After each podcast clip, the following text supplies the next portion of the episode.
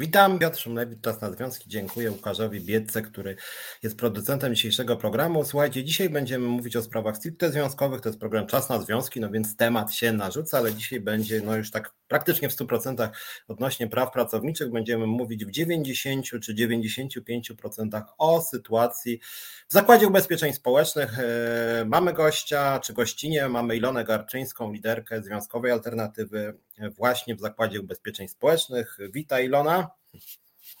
O, Witam wszystkich bardzo, bardzo serdecznie. E, cześć Ilona. Na początek ja może takie e, expose, jak chodzi o wprowadzenie, bo czytam różnego rodzaju wpisy w mediach społecznościowych, czasem w listach, które dostajemy jako związkowa alternatywa i bardzo często nawet dzisiaj pojawiają się głosy, e, wy tutaj piszecie, mądrzycie się, zróbcie coś. Mm, zazwyczaj robią to ludzie, którzy sami są pracownikami, czasem są w innych związkach. E, zazwyczaj po prostu są takimi e, kibicami, trochę jak w Muppet Show, tak? ci, którzy tam się śmichają na loży, prawda, szyderców. E, więc ja tym wszystkim osobom bym radził, żeby po prostu do nas wstąpili i wtedy razem będziemy mogli powalczyć. Ewentualnie przyjdźcie do nas, czy obejrzyjcie ten program, zadajcie pytania i wtedy się zmierzymy, że tak powiem, czy nasza wizja jest lepsza, czy wasza wizja jest lepsza. E, więc proponujemy pracownikom, e, komentatorom, żeby byli, nazwijmy to, bardziej empatyczni i może bardziej zaangażowani, bo sytuacja na polskim rynku pracy wesoła nie jest. W związku z tym takie mm, uwagi typu, że prawda, wreszcie tutaj zmieńcie system. My bardzo chętnie jesteśmy bardzo bojowi, jesteśmy gotowi do zmiany systemu, natomiast im nas będzie więcej, tym zmiana systemu będzie e, bardziej możliwa. Przy okazji odpowiem na pytania, bo nawet kolega ze Związkowej Alternatywy dzisiaj do mnie pisał, czy będziemy chcieli się na przykład zaangażować. Na Facebooku jest głośna sprawa wyzysku w jednej z restauracji e, izraelskich w Warszawie. Z drugiej strony do mnie na przykład odzywali się pracownicy Polsatu. E, I za każdym razem to było tak, e, może byś pomógł, nie? My na razie chcemy siedzieć z boku, wolimy pozostać anonimowi, ale ty postaraj się nam coś załatwić. W związku z tym informuję, E, po pierwsze, ja się mógłbym w ten sposób pośmieszyć, więc jeżeli uważacie, że jest naprawdę źle, to musicie się jednak przełamać. Bardzo Was przepraszam. Ja wiem, że to jest trudne, ja wiem, że macie kredyty, ja wiem, że boicie się, ja wiem, że Wasz pracodawca często jest yy, okrutny, że często jest cyniczny, że często jest brutalny, ale jeżeli naprawdę chcecie powalczyć o swoje prawa, nie możecie pozostać w pełni anonimowi. Jeżeli ja zrobię demonstrację e, pod Polsatem, czy przyjdę z prawnikiem, czy e, złożę wnioski do Państwowej Inspekcji Pracy, a wy jako pracownicy będziecie przestraszeni i będziecie się bali zabrać głos, to po prostu zostaniemy jako związek wyśmiani, no bo jednak Państwowa Inspekcja Pracy też musi mieć relacje od ludzi, a nie może być tak, że powiedzie, dobra, to niech związkowa alternatywa zrobi, a my wtedy Wam będziemy bić brawo i to też raczej anonimowo, tak? No tak się świata nie zmienia, moi kochani. E, to jest jedna sprawa, a druga sprawa jest taka, że związki zawodowe to nie są e, organizacje typu Państwowa Inspekcja Pracy, która ma fundusze od państwa e, i kontroluje to, co tam chce, czy dostanie wniosek, tylko związki zawodowe to są oddolne organizacje ludzi pracy, którzy wspólnie działają rzecz swoich praw i interesów. W związku z tym związkowa alternatywa działa bojowo, mamy prawników, mamy media, mamy zasięg, mamy odwagę, my się nie boimy nieuczciwych pracodawców, nie boimy się pisowskiego państwa, natomiast zapraszamy w nasze szeregi i wtedy bardzo chętnie razem z Wami wejdziemy na ostro do dowolnego zakładu pracy. Tylko mówię, wstąpcie, nawet nie musicie się wszyscy ujawniać, ale załóżcie organizację, przyjdźcie w 10 osób, załóżcie organizację, my wam powiemy co i jak, my wam damy pomoc, my wam damy oprzyrządowanie, my was poprowadzimy, ale musicie ten jeden krok jednak zrobić, tak? A nie, że napiszecie mi na Facebooku albo na nasz adres y, związku, słuchajcie, jest u nas źle, zróbcie coś, żeby było dobrze. No tak to po prostu w żadnym kraju nie działa. No niestety, no tutaj was trochę zmartwię, ale jak wstąpicie, to wtedy oferujemy wam naprawdę pełną pomoc. E, przepraszam Cię Ilona, że tak gadam. Chciałem jedną rzecz jeszcze powiedzieć, bo zaraz przejdziemy do spraw pracowników Zakładu Ubezpieczeń Społecznych. E, też promowałem ten program dzisiaj między innymi wśród pracowników ZUS-u, więc serdecznie Was witam. Przepraszam, że tak chciałem takie ekspozę na początek wygłosić. Jeszcze jedną sprawę chciałem powiedzieć, która jest bulwersująca. Wiem, że Ilona sama Zgłaszała się też i zgłasza i zadaje pytanie, ile zarabia e, pani prezes Gertruda Uścińska. W związku z tym ja wam powiem na razie, ile zarabiał w pewnym momencie e, pan prezes e, lotu Rafał Milczarski o którym za tydzień czy dwa być może więcej powiem, bo dzisiaj, jak mówię, było, będzie o ZUSie, ale właśnie 10 minut przed programem wpadła mi na komputer, że tak powiem, korespondencja Watchdoga, sieci obywatelskiej Watchdog. Watchdog walczył o to, aby uzyskać wiedzę, ile zarabia pan prezes Rafał Milczarski i cały zarząd lotu. To jest dawna sprawa, bo w Polsce, jak wiecie, te sądy bardzo długo pracują, więc tylko Wam przeczytam już przechodzimy do e, ZUS-u. Otóż w odpowiedzi na wniosek o udostępnienie informacji publicznej z dnia 26 października 2018, to był tak na marginesie czas strajku w locie, w którym ja i Monika Żelazik byliśmy bardzo zaangażowani, oraz w związku z wezwaniem dnia 15 grudnia 2021 do wykonania wyroku Wojewódzkiego Sądu Administracyjnego z dnia 13 stycznia 2020 zobowiązującego Polskie Linie Lotnicze LOT do przekazania informacji publicznej w zakresie wysokości wynagrodzeń, nagród i premii wypłaconych wszystkim poszczególnym członkom zarządu PLL LOT, przedstawiam żądane informacje, pisze dyrektor Biura Prawnego LOTu. Krótko mówiąc, przegrali proces sądowy, chcieli utajnić wynagrodzenia i po dwóch latach LOT został wezwany, żeby ujawnić wynagrodzenia z lat 2016, 2017, 2018. W roku 2017 e, e, konflikt w locie nabrzmiewał, on wybuchł w roku 2018, natomiast e, Krótko tylko Wam powiem, że w roku 2017 łącznie wynagrodzenie kontraktowe w polskich złotych razem i wynagrodzenie dodatkowe, czyli premie za rok 2016, słuchajcie, prezes zarządu, czyli pan Rafał Milczarski zarobił łącznie 2 miliony 867 tysięcy złotych. 2 miliony 867 tysięcy złotych zarobił pan Rafał Milczarski tylko w roku 2017, tak. E, o ile pamiętam, myśmy wtedy mówili jako strona związkowa o zarobkach pana prezesa, ale przyznam, że o ile pamiętam, to nie wiedzieliśmy, że to są aż tak szokująco, e, e, szokujące sumy. Dzisiaj kwota e, łącznych wynagrodzeń, tu patrzę, w samym 2017 roku to była kwota mniej więcej 5 milionów. To właśnie tyle by wystarczyło, żeby spełnić oczekiwania mniej więcej związków zawodowych e, lotowskich, szczególnie tego naszego personelu pokładowego i lotniczego. Tak, a tutaj prezes, proszę bardzo, w ciągu roku 2 miliony 800 tysięcy, cholera, powodzi im się. No, więc to chciałem gwoli wstępu, jak bezczelni są niektórzy panowie E, i panie, ale tu głównie panowie w locie, tym bardziej, że pan prezes lotu jest wyjątkowo nieudolny e, i wyjątkowo antypracowniczy. Natomiast to jest rzeczywiście szokujące, że PiS wtedy to chyba w 2016 pani Szydło mówiła, że trzeba żyć skromniej. Były takie jej słynne frazy, no i właśnie to skromne życie 2 miliony 800 tysięcy złotych rocznie dla pana prezesa. Dobra, ale wracając czy przechodząc do ZUS-u po tym moim kilkuminutowym wprowadzeniu, dzisiaj właśnie już będziemy praktycznie do końca programu, e, czy w większości przynajmniej mówić o ZUS-ie.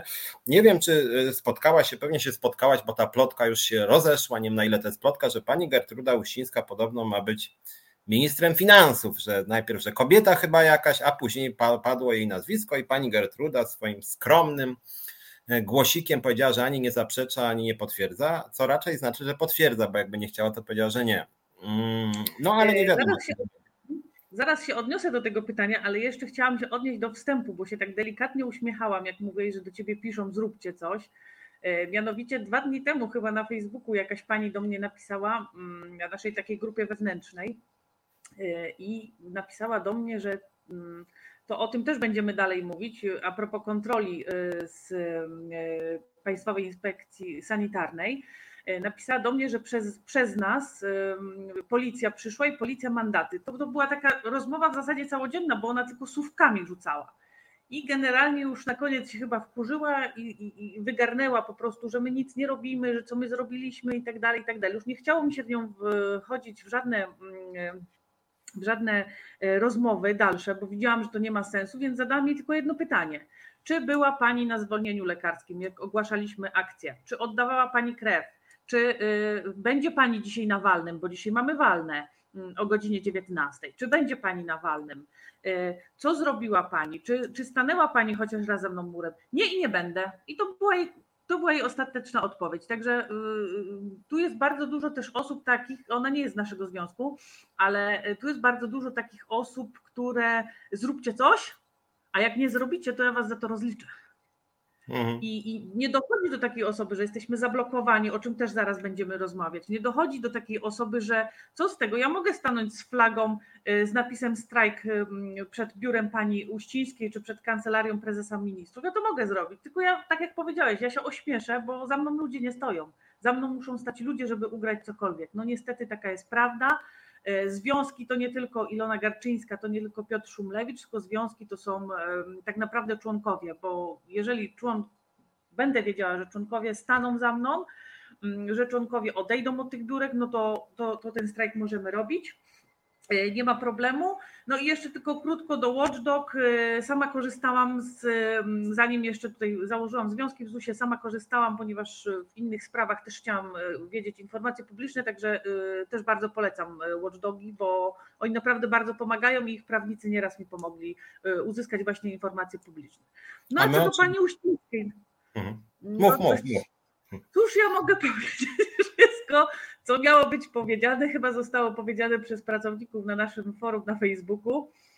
E, z jednej strony super, cieszymy się, pomachamy jej na peronie, numer dwa, jak będzie odjeżdżać, super. No ale z drugiej strony też nie wiemy, kogo nam e, tak naprawdę mm, dadzą.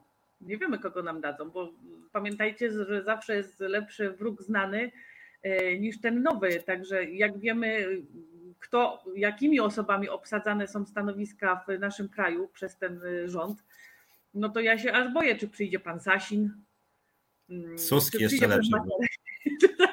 Ja się teraz śmieję, no, ale to jest dla mnie po prostu nieprawdopodobne. No, z jednej strony bardzo bym chciała, żeby ta kobieta odeszła, bo to nie jest człowiek, który szanuje swoich pracowników, E, to nie jest człowiek, który, który jakoś potrafi podbudować swoich pracowników przede wszystkim.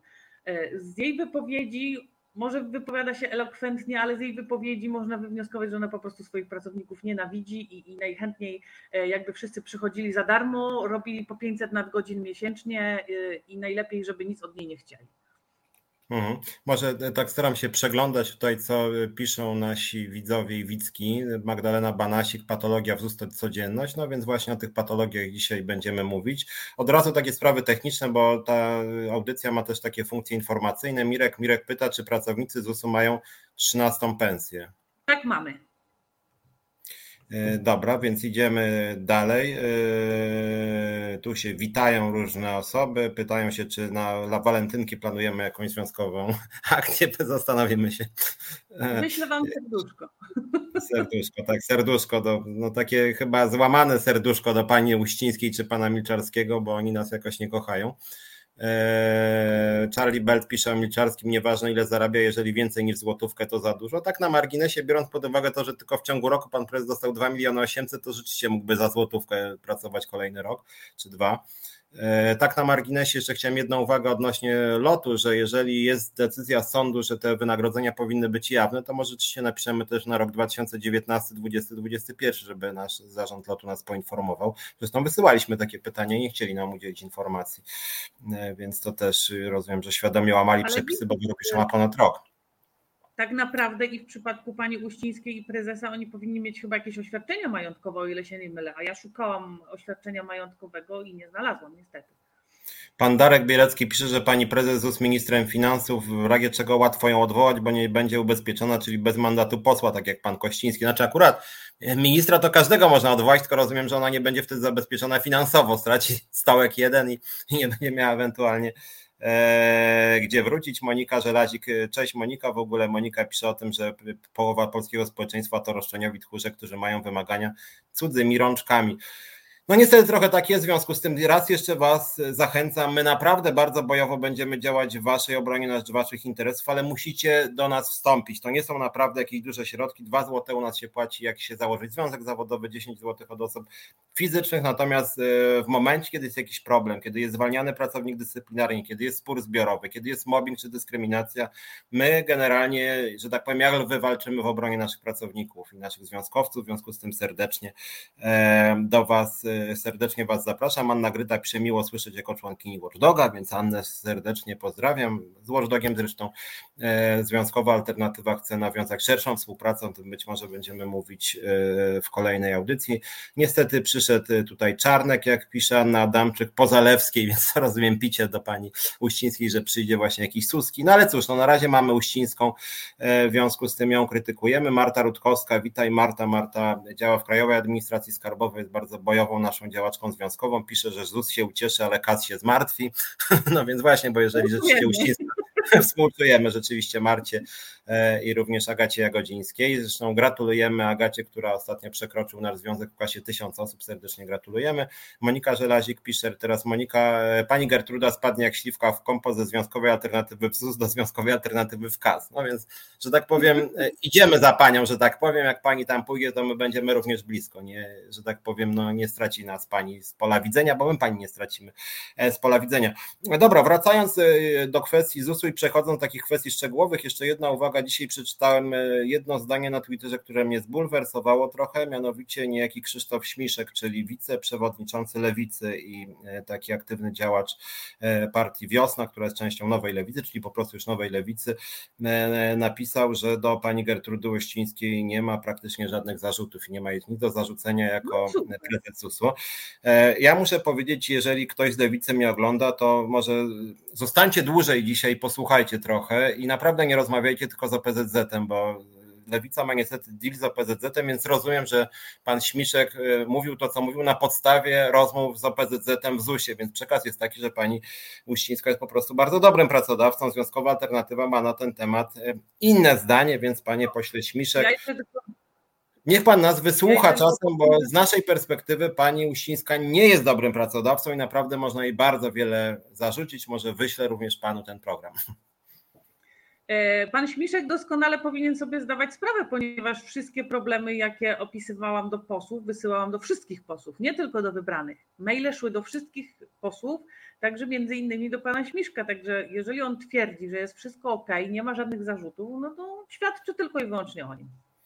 No smutne dosyć. No dobra, to przechodząc do tych spraw w ZUS-ie, ja sobie wypisałem tych problemów dużo, e, więc nie będziemy może tak iść jakoś, no bo nie ma jakiejś ścieżki, problemów jest dużo, więc będziemy po prostu, pewnie będziemy wracać do różnych spraw. Zacznijmy może od tego, bo to była inicjatywa rzeczywiście twoja, Związkowej Alternatywy w ZUS-ie, mianowicie w pewnym momencie wysłałaś takie pismo odnośnie pracy zdalnej, e, a była to reakcja na e, słowa pana premiera Morawieckiego i później pana ministra zdrowia Niedzielskiego, który, o ile pamiętam, już 19 stycznia, e, czyli no już dobre trzy tygodnie temu, ogłosił, że zostanie wprowadzony obowiązek pracy zdalnej tak, w administracji publicznej. Wtedy wysłałaś do ZUS-u zapytanie, ile osób pracuje w ramach pracy zdalnej. No i właśnie, jak to wygląda E, z tą e, pracą zdalną w ZUS-ie i drugie, i drugie, żeby też pokazać, co my robimy jako związkowa alternatywa, co robi Ilona, również wysłaliśmy właśnie pismo do e, Inspekcji Sanitarnej, do Ministerstwa Zdrowia odnośnie przestrzegania przepisów BHP pod kątem bezpieczeństwa pracowników, jeśli chodzi o koronawirusa, pod kątem liczby osób, pod kątem noszenia maseczek, pod kątem ewentualnie sprawdzania paszportów covidowych, no czegokolwiek, że tak powiem, tak, czegokolwiek. W tej sprawie dostaliśmy odpowiedź od Państwowej Inspekcji Sanitarnej, że takie kontrole zostaną przeprowadzone, to już było dobrych parę dni temu, więc może żeby się odniosła do dwóch tych spraw, czyli po pierwsze odsetek pracowników na pracy zdalnej, a po drugie kwestia przepisów BHP w ZUS-ie. E, tak, właśnie sobie w międzyczasie pozwoliłam otworzyć pismo, które dostałam. E, wysłałam zapytanie, nie interesowała mnie praca zdalna kierowników. E, wysłałam zapytanie tylko o pracę zdalną od stanowiska referenta do starszego specjalisty przy czym zakład odpisał mi, że oni nie mają podziału na pracowników, kierowników, więc dane, które mi podali, są po prostu całościowe. I jest to zatrważająca mm, liczba, aż 2,98%. Y, no tutaj to wychodzi około 1220 osób, mm, z czego na pewno zdecydowana większość to są stanowiska kierownicze bądź też i dyrektorskie. No i tutaj no te liczby są po prostu śmieszne, no tu nie ma co komentować, bo jeżeli w, na przykład w takim oddziale w Białymstoku 0,78%, y, y, oddział w Nowym Sączu 0,76%, największy odsetek ma oddział w Opolu, to jest 19,3%. 19,03% pracowników to są 254 osoby, z tym, że zauważmy, że w Opolu E, tam generalnie pracują informatycy, więc e, tutaj oni pod Opole podlegają. E, w każdym bądź razie to większość z nich to są informatycy, więc realnie ta liczba jest naprawdę jeszcze mniejsza. Mm, no zakład, odnoszę wrażenie, że zakład generalnie nie robi nic poza zastraszaniem pracowników, jeżeli chodzi o COVID, ponieważ tak naprawdę pilnują maseczek, BHP jak chodzi, to nie, dezynfekuje rąk przechodząc z pokoju do pokoju.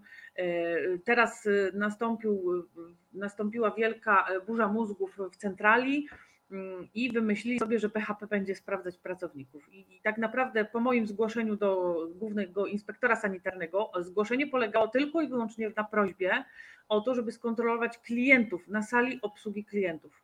Tylko i wyłącznie klientów, ponieważ dostawałam coraz więcej sygnałów, że klienci nie zachowują odległości, że jest ich po prostu za dużo, jak na salę, nie dezynfekują rąk, nie przychodzą w rękawiczkach, nie zakładają maseczek. Y, po, po zwróceniu pracownikom generalnie nie, nie wolno zwracać uwagi y, klientom, żeby założyli maseczkę, ale jeżeli już ktoś się odważy, bo boi się po prostu o swoje bezpieczeństwo, no to jest po prostu wyzywany przez takiego człowieka. No, to, to jest to, co można na filmikach czasami obejrzeć, jak policjant czy Straż Miejska prosi o założenie maseczki, wychodzi tak zwany Y, mięśniak i zaczyna się rzucać do takiego człowieka. No, no w ZUS-ie mogą sobie na to pozwolić, bo generalnie na salach obsługi klientów zdecydowaną większością są kobiety y, i po prostu one słyszą tylko i wyłącznie wyzwiska.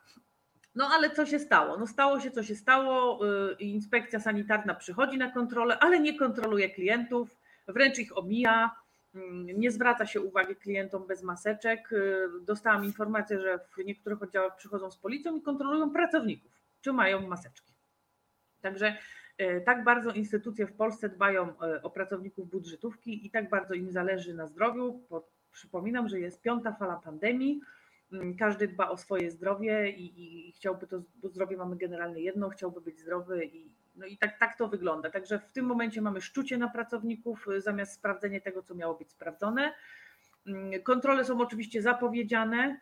E, więc dostaję też informacje, no już nie będę mówić, które oddziały, bo będzie wiadomo, kto, kto taką informację mi przekazał, bo y, niektórzy nasi członkowie y, opłacają składki przez pracodawcę, a częściowo sami. E, w każdym bądź razie mm, dostaję takie informacje, że kontrole są zapowiedziane i na czas kontroli e, stoi pani czy pan przy drzwiach i wpuszcza tylko kilka osób dosłownie, tak żeby odległości były, a po kontroli już y, niech się dzieje wola nieba, nie? A czy wiesz co, ja, bo ja tak sobie pomyślałem, jak chodzi o, tą, o tę kontrolę Państwowej Inspekcji Sanitarnej, e, bo wydaje mi się, że to też jest tak, że co prawda niektórzy pracownicy narzekają, że na przykład teraz e, ktoś ich kontroluje, tak? I część nawet krytykuje nas, że po co ty wysyłałaś to pismo, nie? Ale mi się wydaje, że jeżeli chodzi o jakość usług publicznych w Polsce, to moim zdaniem tego typu działania, które my podjęliśmy, są po prostu dla dobra wszystkich obywateli. No nawet jeżeli pracownicy czasem poniosą jakieś konsekwencje, to moim zdaniem, mówię też jako obywatel, no ja też na przykład, y, no dla obywatela też czasem niewygodne są pewne czynności, ale w momencie, kiedy ja na przykład zapomnę założyć maseczkę, to mi jest y, jakby nawet miło, jak ktoś mi zwróci uwagę, czy raz się ucieszyłem, że wszedłem do jednej restauracji w Warszawie, która, y, która żądała ode mnie paszportu covidowego. Jedna. No, czy oczywiście nie ma przepisów po prostu, wiadomo. Natomiast rzeczywiście z BHP w Polsce jest bardzo, bardzo krucho, dlatego między innymi mamy prawie najwięcej ofiar y, na świecie, na 100 tysięcy mieszkańców, jak chodzi o ten straszny czas. Y, więc tutaj ja uważam, że jednak te kontrole y, generalnie powinny być, tylko masz rację, no źle się dzieje, jeżeli rzeczywiście to jest tak, że, że kontrolują pracowników, a klientów nie, bo chyba po prostu powinni narzucić pewne reguły i to nie takie reguły, że, że, że zapowiadają, że będą za trzy dni, są godzina, później już za dwa lata kolejny raz raz, bo to chyba jakaś tak, patologia jest. Natomiast chciałem jeszcze tą, tą drugą sprawę e, dopełnić, że tak powiem, bo czytałem ostatnio bodaj na e, chyba Radiu Z czy RMFFM, że, że zapytali kogoś z ZUS-u, ile teraz jest na pracy zdalnej i pan rzecznik ZUS-u powiedział, że sytuacja bardzo dynamicznie się zmienia, bardzo dynamicznie. E, z tego co pamiętam, te dane nasze, które dostaliśmy, 2,98 pracowników na zdalnej były z końca stycznia, ostatniego dnia stycznia, natomiast dane bodaj z 7 lutego były takie, że jest 4,7, więc to jest ten dynamiczny wzrost, że teraz już jest 4,7, a rozporządzenie ministerstwa ma już 3 e, tygodnie. E, w związku z tym, no idzie nie za szybko. Ale powiedz też może od razu, jak już o tym rozmawiamy tak trochę też ekspercko, e, dlaczego właśnie to tak słabo idzie? Bo, no bo generalnie Uścińska jest taką, z tego co ja zdążyłem ją poznać, jest zamordystką, e, e, ciągle mówi o tych automatach, które same sobie poradzą ze wszystkim, no ale generalnie rzecz biorąc, no jakoś tam jest sprawcza chyba, tymczasem tu się okazuje, że coś nie gra, tak? No jeżeli jest rozporządzenie, zgodnie z którym wszyscy muszą być na zdalnym, niezależnie od tego, czy się z tym zgadzamy, czy nie, takie jest rozporządzenie, to co się stało, że idzie to tak katastrofalnie źle? Czy to chodzi o to, że nie ma sprzętu, że ludzie nie, nie chcą? Ma sprzętu. Jeśli sprzęt jest, to jest stary, nie nadaje się kompletnie do niczego. Mm, tutaj jeszcze wtrącę tylko tak delikatnie, że zakładając związek zawodowy, my mamy prawo sobie poprosić od pracodawcy o laptopa. Ja takiego laptopa poprosiłam z tego względu, Y, że chciałam mieć dostęp do bieżących wiadomości, do swojej skrzynki pocztowej i do mm, forum wewnętrznego. Oczywiście y, na początku było, że nie mają laptopów, że musieliby kogoś zabrać. Ja po prostu z tego y, laptopa zrezygnowałam. To jeszcze było no, w lipcu zeszłego roku. Uznałam, że okej, okay, nie jest mi potrzebny, bo jeżeli faktycznie komuś mają zabrać, no to, trochę bez sensu, żebym ja miała. Porad, jakoś sobie poradzę.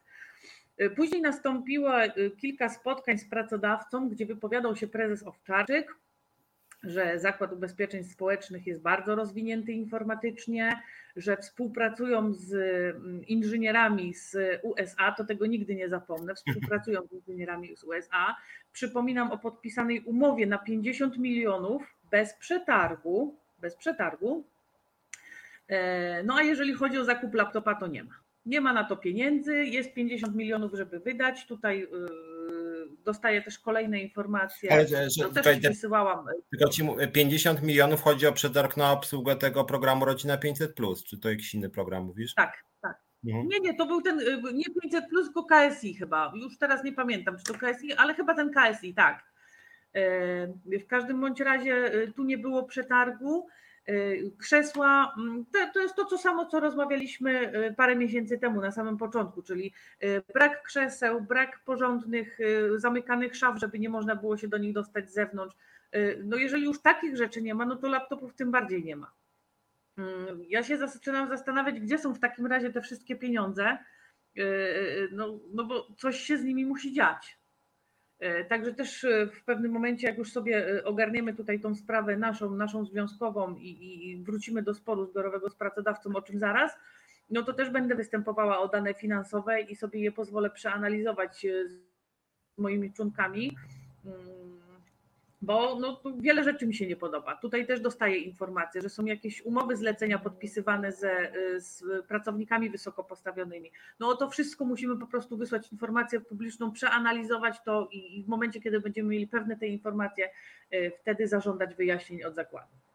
Tak na marginesie to, co Ilona mówi, akurat informacja publiczna jest bronią, która czasem jest przydatna, tak, że instytucje państwowe mają zgodnie z prawem obowiązek udzielać informacji na na temat swoich finansów, więc my takie wnioski często wysyłamy. Zachęcamy też Was do nawet pomysłów, żebyście nas inspirowali, w jakich sprawach moglibyśmy takie informacje przesyłać. Natomiast jeszcze chciałem przeskoczyć na nasze forum, co tam piszą nasi widzowie i widzki. Monika Żelazik przypomina, czy pisze, że lewica nie reprezentuje już pracowników, tylko samą siebie.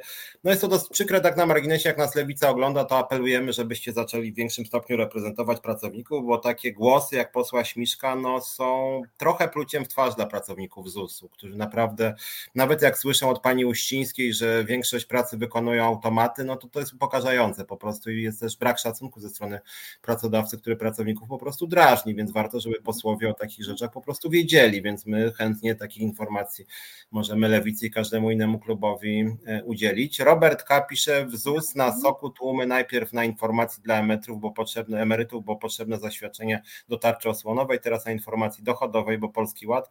Poza tym już się nie klonują e, deklaracje.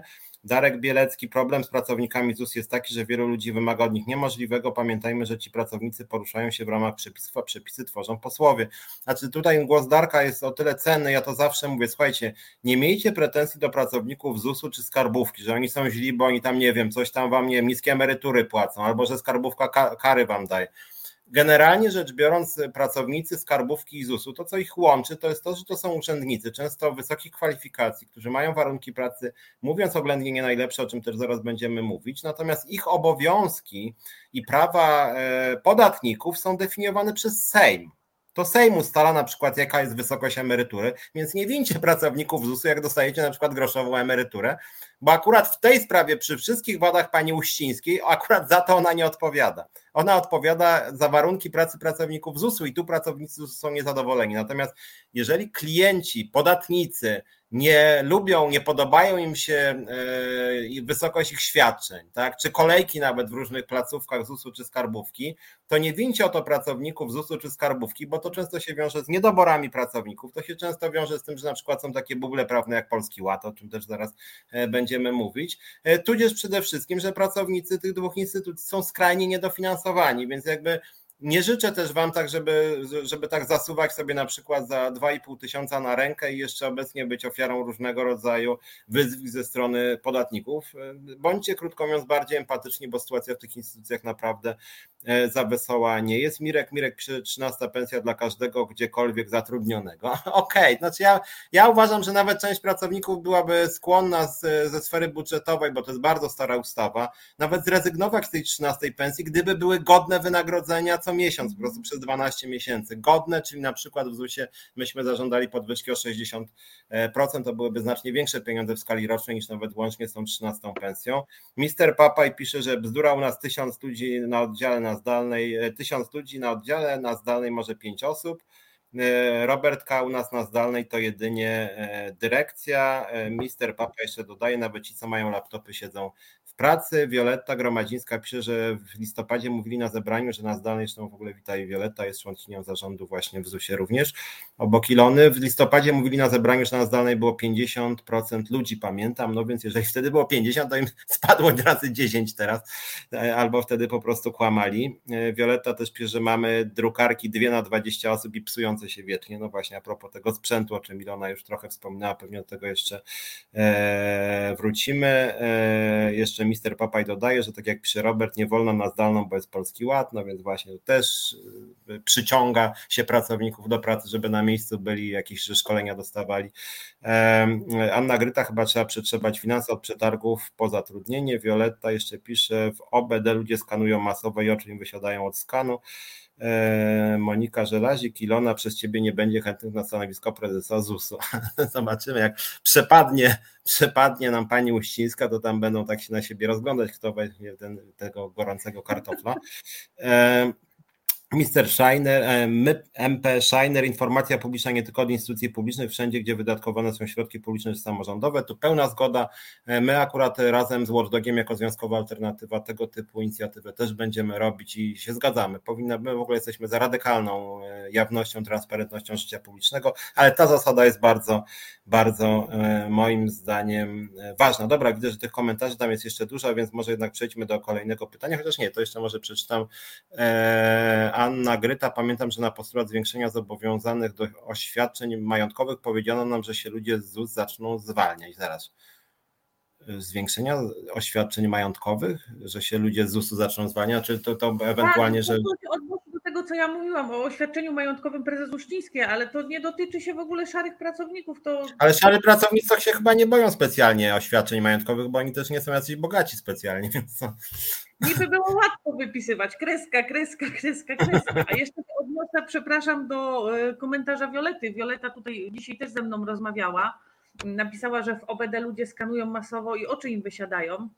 E, to prawda, bo, bo naprawdę OBD też jest, no, każda komórka, bo, bo, później dostaję głosy, że mówię, że tylko OBD albo tylko co. Każda komórka jest obciążona, ale no, to o każdej możemy sobie przez pół godziny rozmawiać.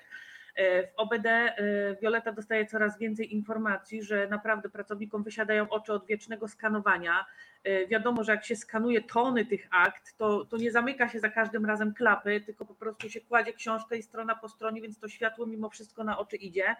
No i zaraz się skończy, że będziemy musieli wnioskować dla OBD o okulary dla wszystkich pracowników. Także też długo dzisiaj z Violetą na ten temat rozmawiałam. No i mówię, no w każdej komórce jest po prostu źle, w każdej. Tylko no, pracodawca nie chce tego widzieć. Nie chce albo, albo nie może, no, ale mhm. nie chce. E, Gitar Jam Session, Lex Czarnek dzisiaj przeszła, Tusk już ogłaszał, że PiS straciło większość. No cóż, to jest inny temat, ale no, ta ustawa jest bardzo zła moim zdaniem, Lex Czarnek i to jest taki czysty zamordyzm, więc no będziemy o tym rozmawiać, jak chodzi o szkolnictwo za przypuszczam dwa tygodnie. E, Charlie Belt pisze, że w Holandii jest trzynastka niezależnie od zawodu i miejsca zatrudnienia, to tak zwane wakacyjne, dobry pomysł, wakacyjne. Dobra, to, kiedyś w Polsce były jakieś tam, czy są w czasy pod gruszą, tak, natomiast, natomiast rzeczywiście e, jeżeli to miało być stałym elementem kodeksu pracy, to ok, natomiast wydaje mi się, my jesteśmy zwolennikami jednak jasnych, prostych zapisów, żeby część stała pensji była wysoka, nie żadne dodatki uznaniowe, jakieś tam jednorazowe premie, tylko raczej po prostu godna pensja co miesiąc, żeby pracownik wiedział, że może liczyć na taką pensję, która pozwoli mu się po prostu utrzymać. Marta Rutkowska z, ze Skarbówki pisze, że mają jedną drukarkę na piętro, więc to też w kontekście tych zdolności do pracy zdalnej. W mamy to samo, jeszcze czasami się zdarza, że jest jedna na dwa piętra, także też jest dobrze.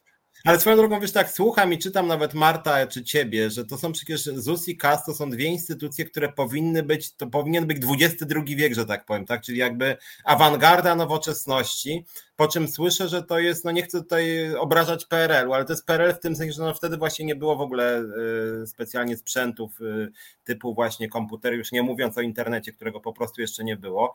Y, I, i, i w wielu placówkach rzeczywiście tak jest. Ja pamiętam, jak nie pamiętam, czy wam opowiadałem w tym programie, jak kiedyś raz w życiu okradziono mnie, no nie będę tam z historii szczegółów, no ale w każdym razie ukradli mi z konta 10 tysięcy. Udało mi się później odzyskać, ale poszedłem do Wydziału Policji, Wydział Policji elektronicznej to się chyba nazywało i w tej policji elektronicznej nie mieli komputera.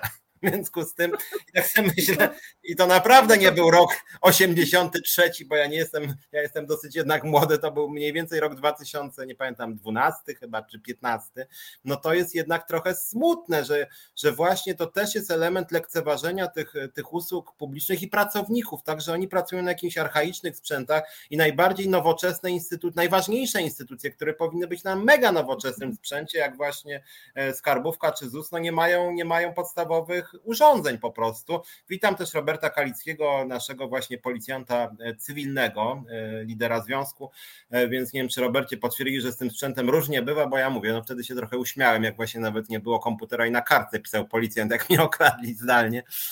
No niestety tak, tak to często bywa. Robert pisze, że w Lublinie w ZUSie jak był, to się spytał, podobno obniżyli o 15 minut dzień pracy w ZUSie. No, to, to, to, to wielki Dalej. prezent dla pracowników. Robert K., informacja publiczna, spróbujcie pozyskać jakieś info o PFR, powydawali miliardy, a ZUS musi szukać, kto wałki robił. A to akurat jest cenna uwaga, bo PFR naprawdę wydał straszliwe mhm. pieniądze, w tym na przykład 3 miliardy złotych dla pana prezesa Milczarskiego, dla polskich lotniczych lot i my próbowaliśmy uzyskać takich informacji i nie było, chociaż PFR to są pieniądze publiczne. Darek Bielecki, XXI wiek, cyfryzacja papieru coraz więcej. Tak na marginesie, Darku, to nie, żeby to jeszcze było tak, że wszystko jest tak nowoczesne, że drukarek nie potrzebuje, ale tak dobrze. Niestety jest, bo nie ma ani drukarek, ani nowoczesnych systemów, które pozwalałyby się właśnie wszystko załatwiać zdalnie.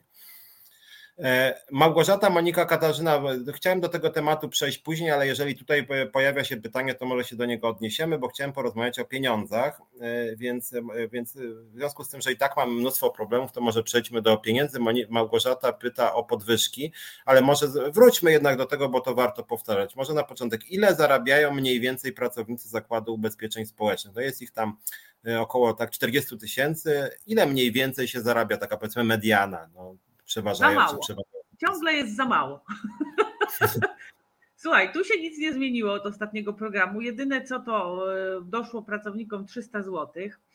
Ja już nie pamiętam, ile dokładnie ta mediana wynosi. Musiałabym sobie to sprawdzić. E, za chwilę, jak będziemy mieli przerwę, to sprawdzę e, w danych, które dostałam od pracodawcy, jaka wtedy była mediana. W każdym bądź razie dane, które dostaję z informacji publicznej, a dane, które przekazywane są nam, nam na slajdach, bardzo się różnią. Nie wiem dlaczego. Te na slajdach przekazywane dla pracowników różnią się bardzo na plus.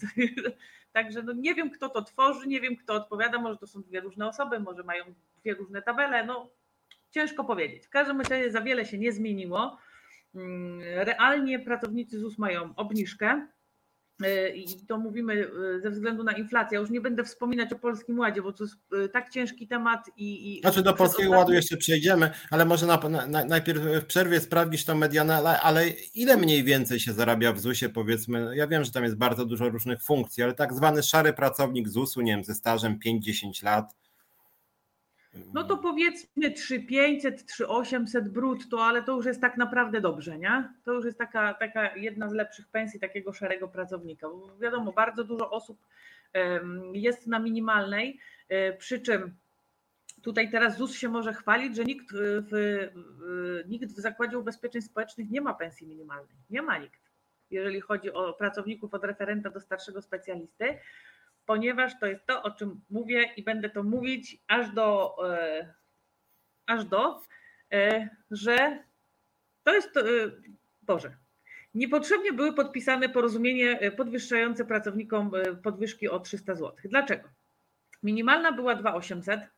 W momencie, kiedy związki podpisały tą podwyżkę, minimalna w ZUS-ie jest 300.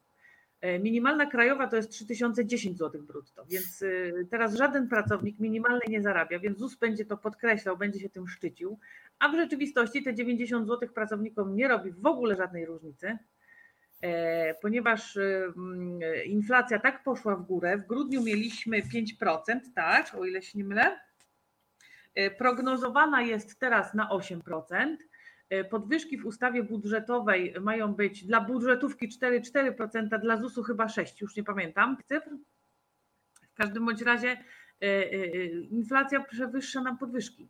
W kwietniu, tu też będziemy wracać do tego, mm, bo związki, no, nie chcę teraz tak obrażać związków zawodowych, dlaczego też zaraz powiem, bo na pewno padnie pytanie, jakie, y, jakie mamy, mm, y, czy, czy dogadujemy się z innymi związkami zawodowymi, także powiem już wtedy o szczegółach.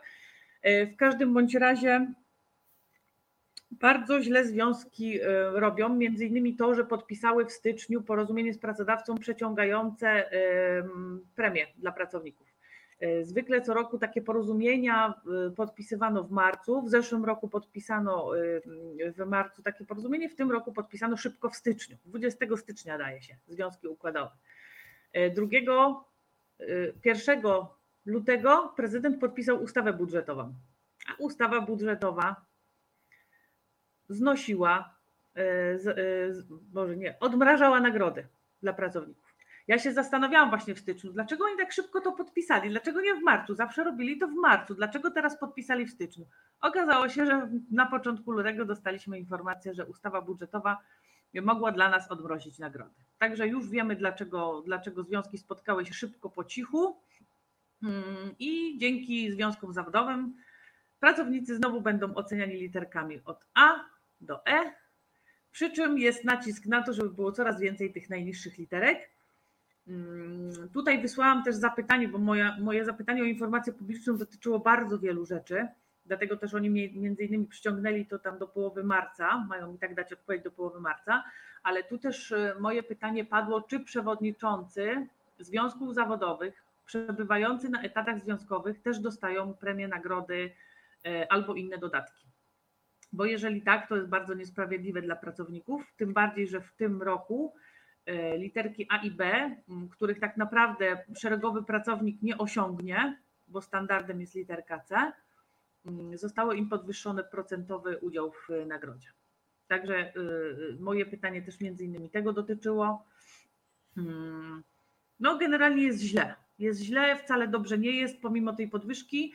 Co będzie? Będzie to samo co co roku w marcu, kwietniu spotkają się związki, pokłócą się o 20 zł, przeciągną to do października, w październiku się porozumieją, podpiszą sobie y, znowu porozumienie 200-300 zł dla pracowników y, i no i skończy się to samo co co roku.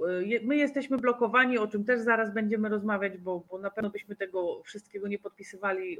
Wiemy już, jak to wszystko działa i z tego powodu prawdopodobnie jesteśmy blokowani na, na każdej linii. Czyli generalnie rzecz biorąc, żeby podsumować wątek, y, to jest tak, że do Polski Młodzie na razie nie mówimy, bo mówimy o kwotach brutto, to jeszcze później przejdziemy, ale generalnie rzecz biorąc na razie podwyżek nie ma, natomiast one będą rozdysponowane później i prawdopodobnie to będzie y, maksimum 6% podwyżki z wyrównaniem. Przy czym tutaj tak, przy czym tutaj bardzo ważna rzecz, ja też to zawsze podkreślam, bo to nie będzie tak, że 6% podwyżki będzie dla każdego pracownika, mhm. tylko o 6% wzrasta fundusz wynagrodzeń, bo niektórzy tego nie rozumieją. E, I tutaj padła propozycja od rządu, żeby nie dawać podwyżek pracownikom z tego funduszu, tylko żeby dotrudnić pracowników. W ZUS-ie mamy wielkie braki. E, tych ludzi trzeba zatrudnić, jasne, super, ale też pracownicy wcale dużo nie zarabiają na, na to, jak pracują, do jakich nadgodzin są zmuszani, mm, do tego, że kanapki i, i, napoje muszą pić nad aktami, bo nie ma czasu iść na przerwę, często też y, nie ma czasu iść do pokoju socjalnego. E, nawet jeżeli coś, to po, pokoje socjalne nie są wcale ozonowane, tak jak pokoje po pracownikach, którzy zostali wysłani na kwarantannę, też nie są ozonowane. Także tak y, ZUS dba o swoich pracowników. Mhm. E, więc tak, więc póki co mamy, że tak powiem, z podwyżkami słabo. Wrócę jeszcze tylko do tego, co jest pisane na forum. E, Marta Rutkowska, nowoczesność owszem jest, ale tylko na papierze i przekazach medialnych, więc to również w kasie też jest podobny e, problem. Podobnie Mister Papa i to jest XXI wiek na slajdach w PowerPoincie, które przedstawia pracodawca. Jak się wchodzi do środka, to mamy wiek XIX. Charlie Bert pisze, że wakacyjne nie jest uznaniowe, tylko część wynagrodzenia i to jest uczciwe, bo wszyscy dostają, a nie jak w Polsce górnicy i inni wybrańcy. I tu się akurat rzeczywiście zgadzam, że w Polsce jest taki model takich trochę korupcyjnych negocjacji z wybranymi grupami zawodowymi. To już było tak w PRL-u, że na przykład policja i górnicy dostawali więcej niż inni. E, Robertowi Kalickiemu gratulujemy, bo po jego piśmie w lubelskim dwie godziny skrócono dzień pracy, więc tutaj e, to rzeczywiście jest jakiś tam sukces faktycznie, że pracodawcy się ugięli tutaj. Alicja Świderska, nieprawda, ZUS Lublin, aha, że, że, że jednak nie obniżono o 15 minut tego w ZUSie Lublin. Ok, jeszcze Jarek Milczak, jeśli chodzi o drukarki, to nie jest ekonomicznym posiadanie przez każdą panią na biurku drukarki. Duże wydajne urządzenie wielofunkcyjne są zdecydowanie tańsze w eksploatacji niż kilka, kilkanaście drukarek. Oczywiście nie powinno popadać się w skrajność, jedna drukarka na pokój lub dwa, nie na dwa piętra, wszystko zależy ile osób ma drukować. Okej, okay, ja się Jarku z Tobą zgadzam, tylko rozmawialiśmy też w kontekście pracy zdalnej i jeżeli pracownik ma pracować zdalnie i pewne papiery ma drukować, no to akurat przydałoby się to jakoś tak ogarnąć, żeby, ja już nie mówię o jakichś rozwiązaniach e, bardziej nowoczesnych, że na przykład pracownik może, może z domu drukować w zakładzie, bo to w ogóle chyba w Polsce się nie śniło nikomu czym, o czymś takim. E, natomiast e, nam chodzi o to, że, że ZUS jest kompletnie nieprzygotowany w ogóle na pracę zdalną, to znaczy wiele systemów po prostu jakby nie jest przygotowany, co, co jest zdumiewające, bo ZUS powinien być bardzo nowoczesną instytucją, niezależnie nawet od koronawirusa, to znaczy po prostu tego typu instytucje powinny być na najnowocześniejszych systemach, a jak ja słyszę od Ilony, innych pracowników ZUS-u, czy KAS-u też, co za tydzień będziemy o KASie więcej znacznie mówić, e, że rzeczywiście ten sprzęt jest archaiczny, to trochę ręce opadają, no bo, bo, bo to są dwa filary ZUS i KAS sprawnego państwa, widać, że to niestety e, sprawnie nie jest tym mhm. bardziej, że i pani Uścińska, i prezes Owczar, prezes Uścińska i prezes Owczarczyk, żeby nie umniejszać pani y, Uścińskiej, chwalą się, jak, y, w jakie współpracę wchodzą, że jesteśmy bardzo nowocześni. Oni się chwalą tym, że jesteśmy nowocześni, że współpracujemy z inżynierami z, z USA. No my non-stop to słyszymy, no ale realia są zupełnie inne. To są rozpadające się laptopy, to aż strach otworzyć, bo przecież ja się miałam laptopa służbowego pewnego razu tam w pracy. Ja się bałam go otworzyć, bo myślałam, że mi te zawiasy uciekną. Mm, mm. No, nie, no więc właśnie. Po prostu wszystko.